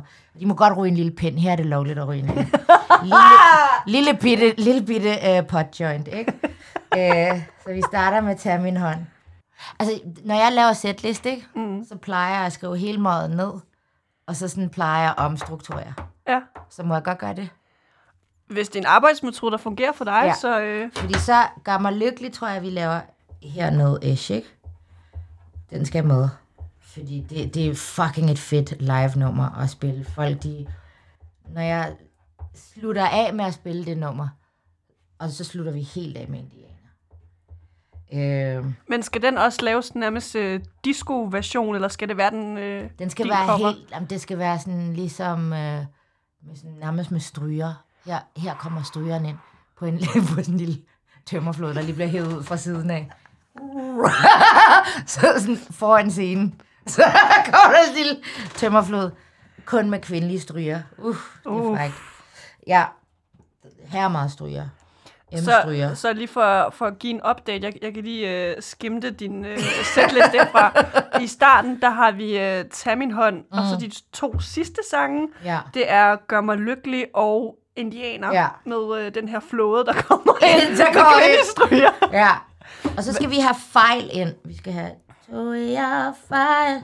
Den kunne egentlig godt komme en... Øhm, Nu skriver du den midt i setlisten. ja, det er fordi, jeg ikke ved, hvor den skal være hen. 1, 2, Okay. okay. 3. Nu har vi fire numre, det er fordi, vi har to tilbage. Ikke? Jo. Skal vi have volumen? Og hvor kommer den ind i setlisten? Den kommer... det nummer ved to? Vi, vi, den bliver nummer tre. Fordi... Øh, så ryger fejl hernede, fordi fejl og gør mig lykkelig er nogenlunde samme øh, BPM, altså beat per minute, ikke? Mm. Så man kunne måske lave sådan en eller anden overgang. En, en lille disco-overgang, ikke? Hvor man kunne sådan holde intensiteten oppe. Øh, Så nu for at opsummere. Øh, Tag min hånd er ja. Første sang. ja, Øh, volumen siger du er nummer tre. ja. Nummer 4, det er fejl. Ja, 5, gør dig lykkelig. Og Ja. så øh, 6 er indianer. Hvad Ja. så øh, sang nummer 2 på setlisten? ved du hvad, altså, jeg, er- jeg er sådan lidt dum for dig, ikke? Så, man, så pleaser man the crowd. Hele aldersspektrummet nok også. Ja, det, netop, ikke? Ja, netop! øhm, men der er også kold krig, som er sådan virkelig sådan lidt... Det mest urbane nummer, jeg har. Men man kunne sige, ej, men man bliver nødt til at tage dum for dig. Så har man... Eller også må du lave et nummer, der er et mashup af de to eller et eller andet. Ved du hvad, så laver vi et mashup af dum for dig. Og dum for dig og kold krig. Tror Kan du, du det vil, det? Altså, du er ligesom øh, den musikalske ekspert her i, i studiet nu, Barbara. Vil Ja. det kunne fungere, tror du? Du, du, du, du. Tænk, hvis vi kunne gøre det. Bare sig, når du kan gøre det. Det gør aldrig slet. Det kunne man godt, det kunne man godt. så, sådan, men, så, så, nu, øh, så nu står der, tag min hånd, dum for dig. Øh, fejl gør, gør mig lykkelig og indianer, ikke? Og så vil tag min hånd og dum for dig, har lavet en streg og skrevet kold krig. Fordi umiddelbart, så vil det historisk give mening med tag min hånd og kold krig. Og mash dem op, fordi så Som det er den sådan, første sang. Ja. Så lægger man bare ud med en mashup. Ja, det, ja, det jeg. Så øh, den her ligesom øh, strandparty setliste, mm. du har lavet her, hvor at øh, koncerten ligesom skal finde sted ude på havet, mens publikum sidder på stranden, Ja. eller står og danser. Det skal de forhåbentlig helst gøre. De skal helst, ja. Prøv lige at opsummere, Barbara, øh, fra start til slut. Hvad sker der på den her setliste, du lige har lavet? Okay, der sker... Altså, hvad der kommer til at ske også sådan ind imellem numrene og sådan noget. Det må du også godt sige. Okay, så folk de kommer ligesom ind. Så vi starter ligesom med en, sådan en kæmpe lang intro af, af sådan, af, af hvad hedder det, basmelodien i Tag min hånd. Og så, hvad hedder det, så kan det være, at vi synger sådan første halvdelen af sangen. Og så efter C-stykket, så klipper vi over, altså, ja, klipper vi over til kold krig. Og sådan ligesom slutter det af med måske bare et vers og et omkvæd og slutter det af, ikke? og så kører vi videre til Dum for dig.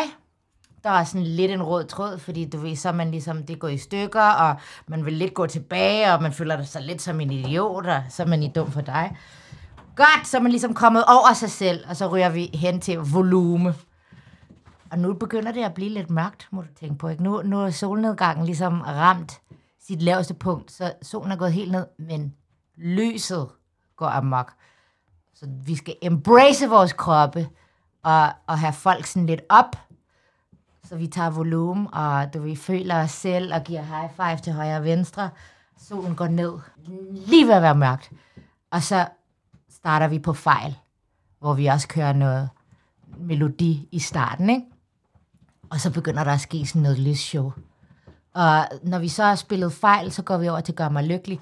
Og så er himlen bare lyst op. Altså med, altså, hvad hedder sådan nogle, de der, hvad hedder sådan, lasershow og sådan Så noget. det bliver sådan lidt rave-agtigt, eller hvordan? Jamen, det, bliver, det, det bliver mere disco, Okay, disco-fest, ikke? okay. Altså med lasershow helt. Og så spiller vi Gør mig lykkelig. Og det der er ved Gør mig lykkelig, apropos Beyoncé, så hvad hedder det, så var jeg så vild med øh, Blow. Bup, bup, bup, bup, bup. Bup, bup, bup, bup. Så jeg lavede det om til bup, bup, bup, bup, bup. Bup, da, da, da, da. Da, da, da, da. Bup, da, bup, bup, bup. Det gør mig lykkelig jo. Så jeg, sådan, har vendt øh, Blow om og brugt det. Lad være med at sige det, fordi så... Det er slet ikke på bånd, det er slet ikke på bånd lige nu. Det er slet ikke på bold.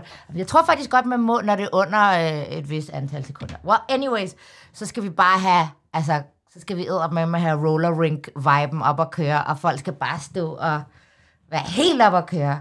Og så øh, med lang, lang outro også. Altså det her nummer kommer til at vare syv minutter, måske 10 minutter. Uff. Uh, og folk skal bare synge med. Og så slutter vi af. Piu, bliver det helt mørkt. Og så tænder vi stille og roligt op, og så kommer der øh, sådan et, øh, hvad hedder det, så kommer der stryger ind, og sådan starter. og så sådan en god lang intro til indianer, så spiller vi indianer og får folk til at synge med. Og call and response sygt meget, og himlen der bare sådan piu, bliver lyst op med sådan noget silver light, du ved, sådan, og måske noget fyrværkeri. Og du ved, altså kæmpe intensitet på trommerne, og helt møget, og vi står bare og græder, og hiver os i pikken til indianer. Og så øh, græder og onanerer, og det er så smukt. Og så, hvad hedder det, så slutter du af, helt mørkt. Står der med tiskone eller tismand i hånden, og hvad man skal gøre af sig selv. Ej, jeg, du ved, sådan, så lukker man bare ned. Bum! Jeg, jeg, jeg kigger, øh, bare, hvor jeg kigger meget altså, betaget på dig lige nu, fordi altså, det, det, det, virker som om, at du, altså, du vil virkelig gerne lave den her sætning. Ja, men det er du galt. Det kunne være, men der skulle være flere numre på. Det, det noterer vi lige øh, Ja. som øh, rettelse til den. Jeg Ja. tænker, øh, vi, skal, vi skal høre en Barbara Moleko-sang. Ja. Og jeg tænker, du kan vælge en fra setlisten. Skal vi tage kold krig? Fordi det er sådan, det er en af de nyeste. Tænk hvis vi kunne klare det Kom sig nu vi kan gøre det Jeg giver aldrig slip Nej det shit vi har været igennem. Gjorde os kun stærkere sammen Og vi ikke glemme ikke give os. Oh, oh. Kun os to. Sig det nu. Og jeg troede at jeg kunne være nok for dig.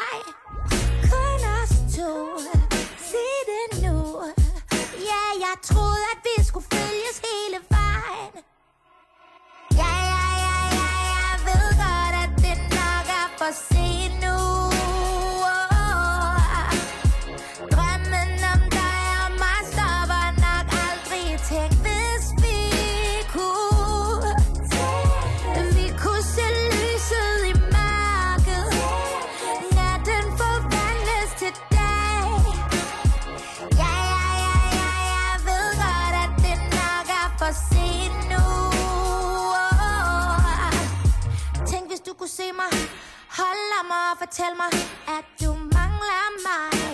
Yeah. Spiller tiden med distance, når vi burde nærme hinanden. Giv det her en chance, hvorfor giver du op? Ja, kun os to.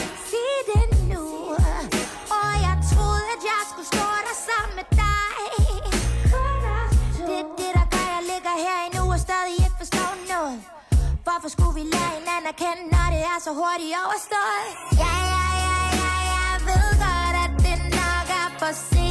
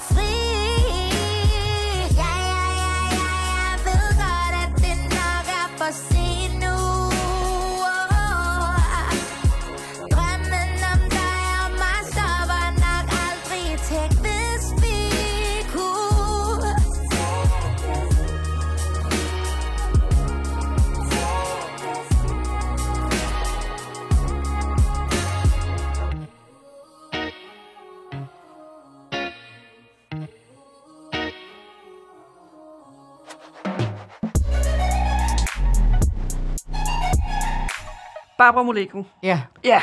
Det, det, det, er godt, det er godt at høre, at du, øh, du holder dig kørende. Ja. Vi har øh, lige før hørt øh, Tag min hånd Ja. og Kold Krig. Ja. Og øh, inden vi hørte de to numre fra dit repertoire, der øh, lavede vi en lille leg, Ja. der hedder Tegn din drømmesætliste. Ja. Og øh, du, du er stadigvæk pumped efter at have Jeg lavet er pumped. Jeg kan nærmest mærke, at jeg har været der. Ja, ja.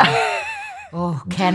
Åh, oh, kan. Oh, kan Vi skipper alle mulige mennesker til Cannes. De har jo sådan nogle fester lige ved stranden. Oh, eller Ibiza. Ibiza! Der har vi den. Men Oh, øh, for at ikke sige opsummere, noget, det er så tavligt. For For at ligesom at opsummere- sige burger, når man har tømmermænd. Undskyld. som, som du har nu.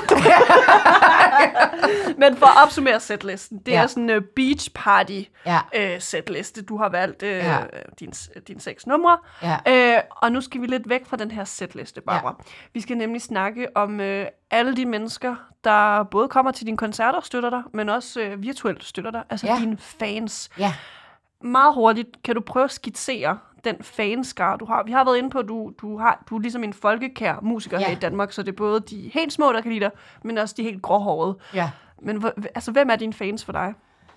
Øh, hvem er mine fans for mig? Altså, jeg tror, i den virtuelle verden, der, der er det sådan, jeg tror, det er sådan noget 20 til sådan midt 50'erne eller sådan noget. Og så på Facebook, det her det er Instagram, og så på Facebook er det lidt ældre, ikke? Mm. Øhm, går det lidt højere op, der tror jeg, det er sådan noget 30 til 60-ish. Og så øhm, overvejer jeg at lave en TikTok-account, så jeg kan få de Okay, kommer, kommer der så en TikTok-dans til en af de nye sange? God idé! Jeg føler, jeg skal lige ud af studiet for at komme med et nyt stykke papir, så alle de gode råd, jeg kommer med, kan lige skrive ned. Bare bliver skrevet ned. Ny datingprofil øh, på Instagram og Men, men, TikTok. men øh, altså, Clara og Freja Kirk, de har ja. Ja. været i pitten tidligere, hvor vi faktisk har diskuteret nogle af de TikTok-dans, de har lavet. Okay. Så det, det kunne være, at du måske også skulle springe ud i det nu, Ja, Barbara. men altså, jeg fik at vide, at jeg simpelthen skulle holde mig fra det. øhm, og øh, det tror jeg faktisk overhovedet ikke, jeg vil lytte til. Altså, fordi måske man bare skulle lave en profil, hvor man bare kun lægger sin TikTok-danse op. Ikke? Altså, jeg har faktisk ikke dyrket det så meget, men jeg tror, jeg skal til det. Ja, men altså TikTok kan jo være en god måde for dig ligesom at, at få et større reach til din musik. Mere end altså, den her folkekære musiker i Danmark. Ja. Det kan være, at det ligesom kommer ud altså, over landegrænser. Det er rigtigt. Jeg skal sommer lave nogle, nogle koreografier til min øh, sange. Uff. Jeg føler, det er lidt en, en smule narcissistisk, men altså, Men, altså, på when den in måde, Rome, altså. men på den måde får du også noget tilbage fra dine fans. Altså, du Ja. ser også ligesom, hvordan de fortolker din musik, eller hvis de laver Ja. ja. koreografier. Så der, der er masser at lege med med TikTok, Barbara. Det, det er bare med at komme i gang. Det kan være, at jeg skal få mine fans til at lave nogle TikTok-danse til mig, og så lærer jeg de bedste at kende, altså at lære koreografien til de bedste, og lægger dem op. Ja. Det, det Now we're talking. Ja. Altså, øh, Phoebe Bridgers, der var i pitten for et par uger siden, Ja. hun havde lavet en øh, sådan øh, quarantine øh, music video contest Ja. for øh, en af sine nyeste sange, Garden Song. Ja. Og så har hun fundet to, der ligesom havde indsendt øh, musikvideo. Så altså det der med, at man ligesom pingponger lidt med Ja, ja. Øh, produktion med sine fans, det, det synes jeg bare, du skal hoppe ud i. Men det tror jeg altså, jeg skal hoppe ud i, Ja. faktisk. Det giver ret god mening. Også fordi så slipper jeg for at ligne en idiot, hvis jeg selv føler, at min øh, koreografi er helt fantastisk. Altså, jeg kan ikke danse, skal jeg lige sige det. Eller jeg kan godt danse, men ikke koreografisk. Der går det Bare freestyle, der... Øh. Freestyle, der kan jeg godt. Men Barbara, du har jo snart altså været en del af den danske musikscene i hvad, snart 10 år. Ja. næsten. Ja. Hvordan vil du sige, altså, at den her fanskar har udviklet sig? Folk, altså her, hvor var det sidste år, der var der en, som øh, kom op og viste mig, at, at øh, hun havde fået indgraveret teksten til det første nummer, jeg nogensinde har udgivet, der hedder Det kribler, øh, på, på hendes mands ur. Og det var sådan deres fælles, du ved, sang. Øh, det var ret vildt. Så de har ligesom fulgt mig siden 2011 har det så været, ikke? Da jeg, da jeg udgav. Det var, det var ret vildt. Og sådan, okay, jeg har nogle virkelig lojale fans. Øhm, og så har jeg nogle forældre, som har fået deres børn med på vognen. Så der ligesom er to generationer, nogle gange tre generationer, der kommer ind og ser mig. Ikke? Øhm, eller, det er så sørgeligt. Når jeg er til fest, kom med det. Ej, ej. Okay, når, når jeg er til fest, og der, der er en eller anden hot, hot person, der kommer op og siger, Oh my god, er det dig, der var på Lego? Jeg lyttede til dig, siden jeg var et barn. Og jeg var sådan, oh god, I'm old. jeg vil lige være lægge an på dig. Det her, det er upassende. Og siden jeg var en lille, siden jeg var 13 år gammel, og jeg var sådan, oh, fuck me, sideways. Ej, altså, jeg synes, det, altså, så på den måde øh, har jeg opdaget, at, at folk faktisk har fulgt med. Øhm, og sådan aktivt med. De ved, hvor jeg startede hen. De har ligesom øh, set alle de der tv-ting, og øh, hørt mine plader, og du vender tilbage. Og, altså, for jeg har været meget åben omkring, ligesom, hvad der er sket i mit liv her de sidste fem år, og hvorfor jeg ligesom ikke har kunne udgive og sådan noget. Og du ved, skriver sådan, gud, hvor er det vildt, at du... Øh, du er den person, du er, og kan holde gejsen op, når du har oplevet det og det, og hvor er det fedt, at du deler så meget ud, og, øh, og din musik betyder utrolig meget, og sådan, så sådan, på den måde kan jeg mærke, at folk er sådan aktivt med. Øh, jeg har ikke helt overblik over det på de sociale medier. Jeg, der kan jeg simpelthen ikke følge med. Øh, jeg er ret åndssvag øh, bagud skuende, når det gælder sådan... Øh, øh, sociale medier, men jeg prøver virkelig at op mig, men jeg, jeg er virkelig dårlig. Men, sådan, men jeg læser, når jeg husker at gå ind og læse, så sådan læser jeg de kommentarer, der ligesom er, og de øh, private beskeder, der ligesom er. Og så kan jeg ligesom se sådan, okay, du har ligesom, du har været en del af min musikalske liv, og det er, sådan, det er ret vildt, fordi det er sådan, det er lidt mindblowing. Men det er sjovt, fordi altså, tidligere her i uh, Pitten-programmet med Ja. dig, øh, der, der talte vi jo om, at du, der er du ligesom fangirl over, at du mødte Erika Badu, Ja. og at altså, hun har betydet så meget for dig i Ja, liv. ja. Nu står du jo ligesom på den anden side, og har altså, en flok mennesker, der er sådan, Barbara for helvede, var det dejligt at møde dig? Altså, du, Ja, ja. du betyder så meget for mig. Ja. H- Hvad gør det for dig, at der er så mange personer, der kan relatere din musik til deres eget liv? Mm, jeg bliver sgu ret stolt. Altså, og jeg bliver ret rørt. Fordi det, det, det er et tydeligt symbol på, at lige, lige meget hvor ensom og alene man kan føle sig i de negative perioder, øh, så er man aldrig alene. Der er altid nogen, der kan spejle ens følelser og spejle det, man har været igennem. Og det skal man huske, så man skal huske at bruge mennesker øh, og musik. Øhm, og så, at, altså, så er det nærmest endnu mere overvældende, at folk ligesom bruger det til til for eksempel bryllup, eller jeg skal fri til min kone, må jeg gøre det op fra scenen af til din koncert og sådan noget. Altså, det, det, det er jo sådan det der med, at du kommer til at filtre dig ind i folks liv, øh, og derved bliver historisk for nogle mennesker. Ikke?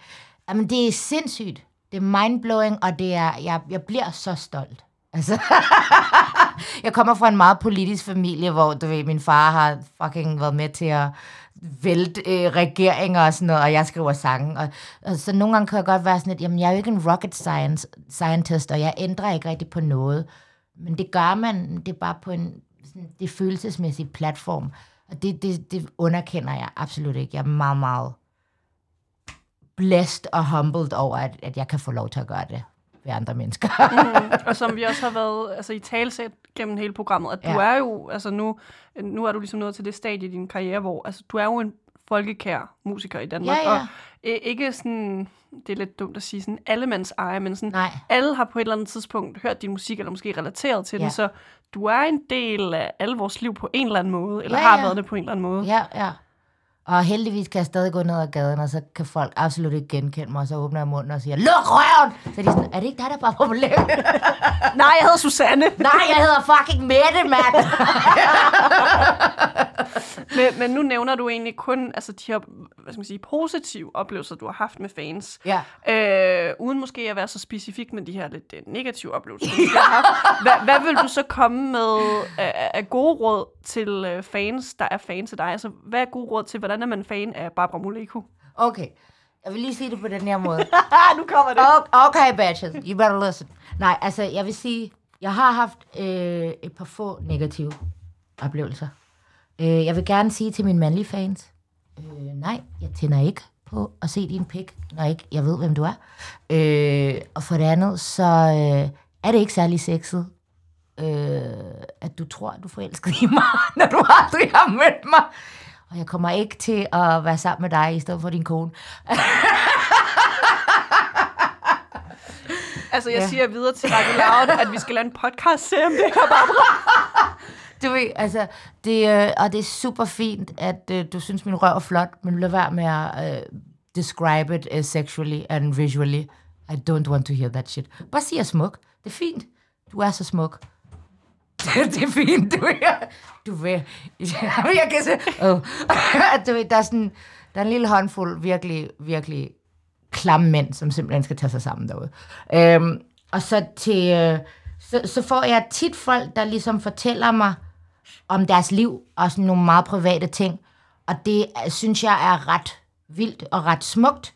Og øh, det må de gerne. Det må de skulle godt blive ved med. Fordi det, øhm, jeg tænker bare det, fordi at jeg har vækket et eller andet i dem. Det kan godt være, at jeg ikke svarer, men jeg tager det til mig, og, jeg, og det rører mig, når folk fortæller mig om deres liv, fordi det skal der fandme meget til. Øhm, ja, hvordan er man en god fan? Man er bare respektfuld og høflig. Og det der med at tage billeder af en på gaden, øh, bare, bare spørg. Jeg siger nærmest aldrig nej. Men det der med sådan at sidde på en café, og der er nogen, der sådan Filmer dig i smug til Snapchat. filmer mig i smug, eller sådan tager et billede i smug. Altså, jeg, jeg bliver simpelthen... Jeg får så nøjer på. Jeg kan slet ikke have det. Så vil jeg meget hellere bare have, at folk kommer op og siger, hey, må jeg ikke tage et billede? Fordi jeg siger seriøst aldrig nej. og hvis jeg gør, så er det virkelig, fordi jeg har en dårlig dag, og så skal man Eller tømmermænd. når jeg tømmer, men så er det bare, ja, ja, ja, ja, solbriller, solbriller, godt, filter, kør. Kan vi bruge det der hundefilter? Eller? Ja, ja. Det der hundefilter med glimmer på. Kør det over. Men jeg kan se det. Kan vi use? Ej, ja. ja. Så jeg har, jeg, jeg, jeg har faktisk ikke så mange regler. Jeg har det bare sådan, bare tænk dig om, hvordan vil du selv have det? Okay, men jeg, jeg vil heller ikke være kendt. Der er også nogen, der godt kan lide at være kendt, du ved. Jeg har ikke noget mod at blive genkendt, fordi at jeg er musiker og sådan noget, men, men jeg synes ikke, det er sådan en super optur, så jeg kan faktisk ikke rigtig lide, når folk tager billeder af mig, uden der bliver spurgt. Og, og jeg synes, det er sygt nøjeren. Jeg havde sådan en dude, der seriøst troede, han var forelsket i mig. Og jeg var bare sådan, så gik vi ind og tjekkede ham ud, sådan en, og, og, og i lang tid lå han bare i det der generelle, og skrev, altså syge ting. Han var 100% sikker på, at vi var match made in heaven, og han havde en kone og to børn. og det var bare sådan, først fik jeg lidt ondt af ham, og så sådan, kunne jeg bare se, at det var en helt almindelig mand. Bare sådan, nu skal du fucking tage dig sammen. Du skal lade være med at bruge det her platform som sådan et outlet for dine seksuelle frustrationer. Sådan nogle beskrivelser af, hvad han ville gøre og sådan noget. Det var bare, no! Og en anden dude, der sendte billeder af hans pik. Hvad hvis jeg bare lagt dem op på min side? Hello people, look what I got this morning. Det var bare sådan, hvem gør det? Det er mærkeligt. Jeg lægger ikke et fucking billede op af min blødende cooch, vel? Lad være med at lægge dit billede op af din klamme pik med dårlig belysning og fucking præsbærm. Det er så klamt. Altså, jeg, jeg håber, jeg håber øh, de, de Barbara Moleko-fans tager det til sig. jeg, tænker, jeg tænker, at jeg er så heldig, at jeg har så få af de oplevelser, og har så mange positive oplevelser. Og folk, der bare sådan, ah, hvor er dine sko fra, hvor er dine briller fra? Og jeg prøver at nå at svare på det hele. Altså, det er så få, men det, det, det har været så grænseoverskridende, når de kommer. Forståeligt. Du, ja, det bare ligesom sådan... ja, så super. Jeg håber virkelig, at øh, folk tager det til sig, og øh, en kæmpe opfordring. Altså, om det er Barbara Moleko eller andre, don't, Don't do it. fucking do Der er ikke it. nogen, der gider at se dit fucking røvhul. Pak det væk, mand. Altså. Men Barbara, vi skal høre øh, næst sidste sang her i pitten med dig. Ja. Hvad er, øh, hvad skal man sige, Barbara Moleko fan-favorite sangen? Det er øh, Rejser mig op. Hvorfor? Jeg tror, det er fordi, at det er så øh, sårbart og ærligt. Jeg skrev det efter... Ja, ja vi, har, vi har været sådan et psykisk tilfælde, der har altså virkelig haft det fucked i perioder af mit liv. Men sådan, i starten af mine 20'er, der, der, der fik jeg altså, min første sådan, stressrelateret depression. Ikke? Jeg har ligesom haft det to gange. Øhm, og, og første gang, der, øh, der havde jeg ligesom gravet mig selv så langt nede, at, øh, at jeg kunne mærke, at jeg var begyndt at blive sådan træt af at være træt, og sådan træt af ikke at kunne mærke noget. Øh, og så sådan besluttede jeg mig sådan stille og roligt. Det startede med, at min mor, hun solgte sin øh, øh skråkasse af en bil, og købte mig en børn, eller ikke en børn, sådan en øh, single woman opvaskermaskine. Og sådan, da hun gjorde det, og, og jeg var kommet til sådan et lavpunkt, hvor jeg ikke engang kunne tage opvasken, eller tage mig sammen til at gå ud og tisse, så var jeg sådan, godt, Så begyndte jeg at skrive, og jeg skrev Rejser mig op ud fra I'm Going Down med Mary J. Blige. Oh. Ja. Fordi hun skriver det der om at I'm going down, you ain't around, baby. Så var jeg sådan, godt, jeg skal nu... Kan man ikke, jeg kan godt lide det der med at, høre et nummer, og så vende, vende tematikken. Ligesom du gjorde med Beyoncé's Blow. Ja. Bare, øh, Og dum melodisk. for dig gjorde jeg faktisk over kun for mig. Yes, bitches. fordi, fordi jeg var sådan, okay, jeg ved, jeg, jeg ved ikke, jeg synes Medina er ret sej. Og hun er en sådan øh, meget stereotyp kvinde, som bare er sådan, fuck dig, jeg kommer videre med mit liv. Øh, og hvor at jeg tror, i mange settings har jeg absolut bare været sådan the underdog, som bare var sådan, no, but I love you, please. Why can you not see the glory that is me? Så det er sådan, jeg vil ligesom tage det fra den der sådan perspektiv af, man, man er jo ikke en fucking idiot, bare fordi, at man også viser sit følelsesliv på den måde, at man er filterløs og kærlighedsfyldt, og måske lidt småpsykotisk. Så den så skulle ligesom også frem. Men jeg, det kan jeg godt lide, så det var sådan, så jeg var sådan, godt, nu rejser jeg mig op fra alt det bullshit, der nu har været i mit liv. I mit stille sind der hvor man næsten aldrig lukker andre ind.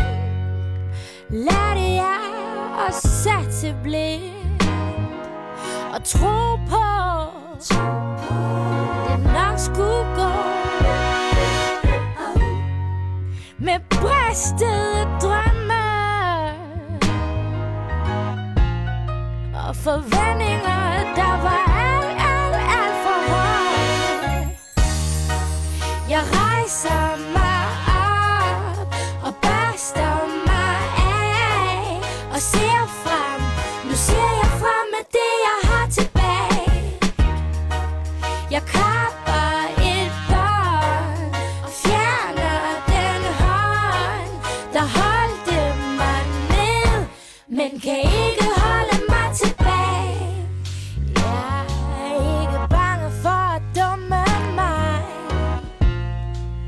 og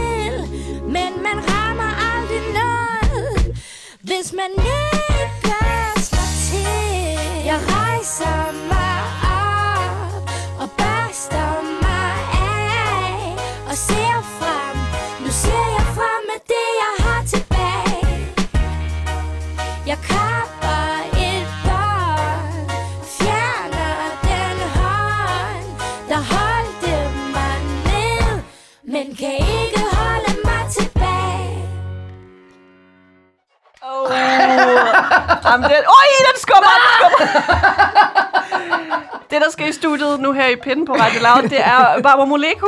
Du har de sidste to timer været min gæst, og nu har du fået en øh, øl til at skumme, og uh, der kommer noget øh, Barbara Moleko. Den er fucking glutenfri, hvad vil jeg sige. Den er alkoholfri.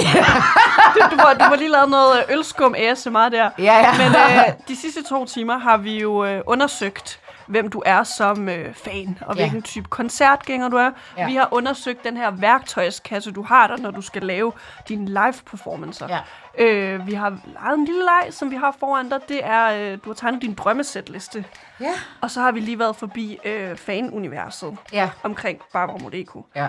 Næste uge i pitten med mig, Alexander Milanovic, det bliver aksglæde.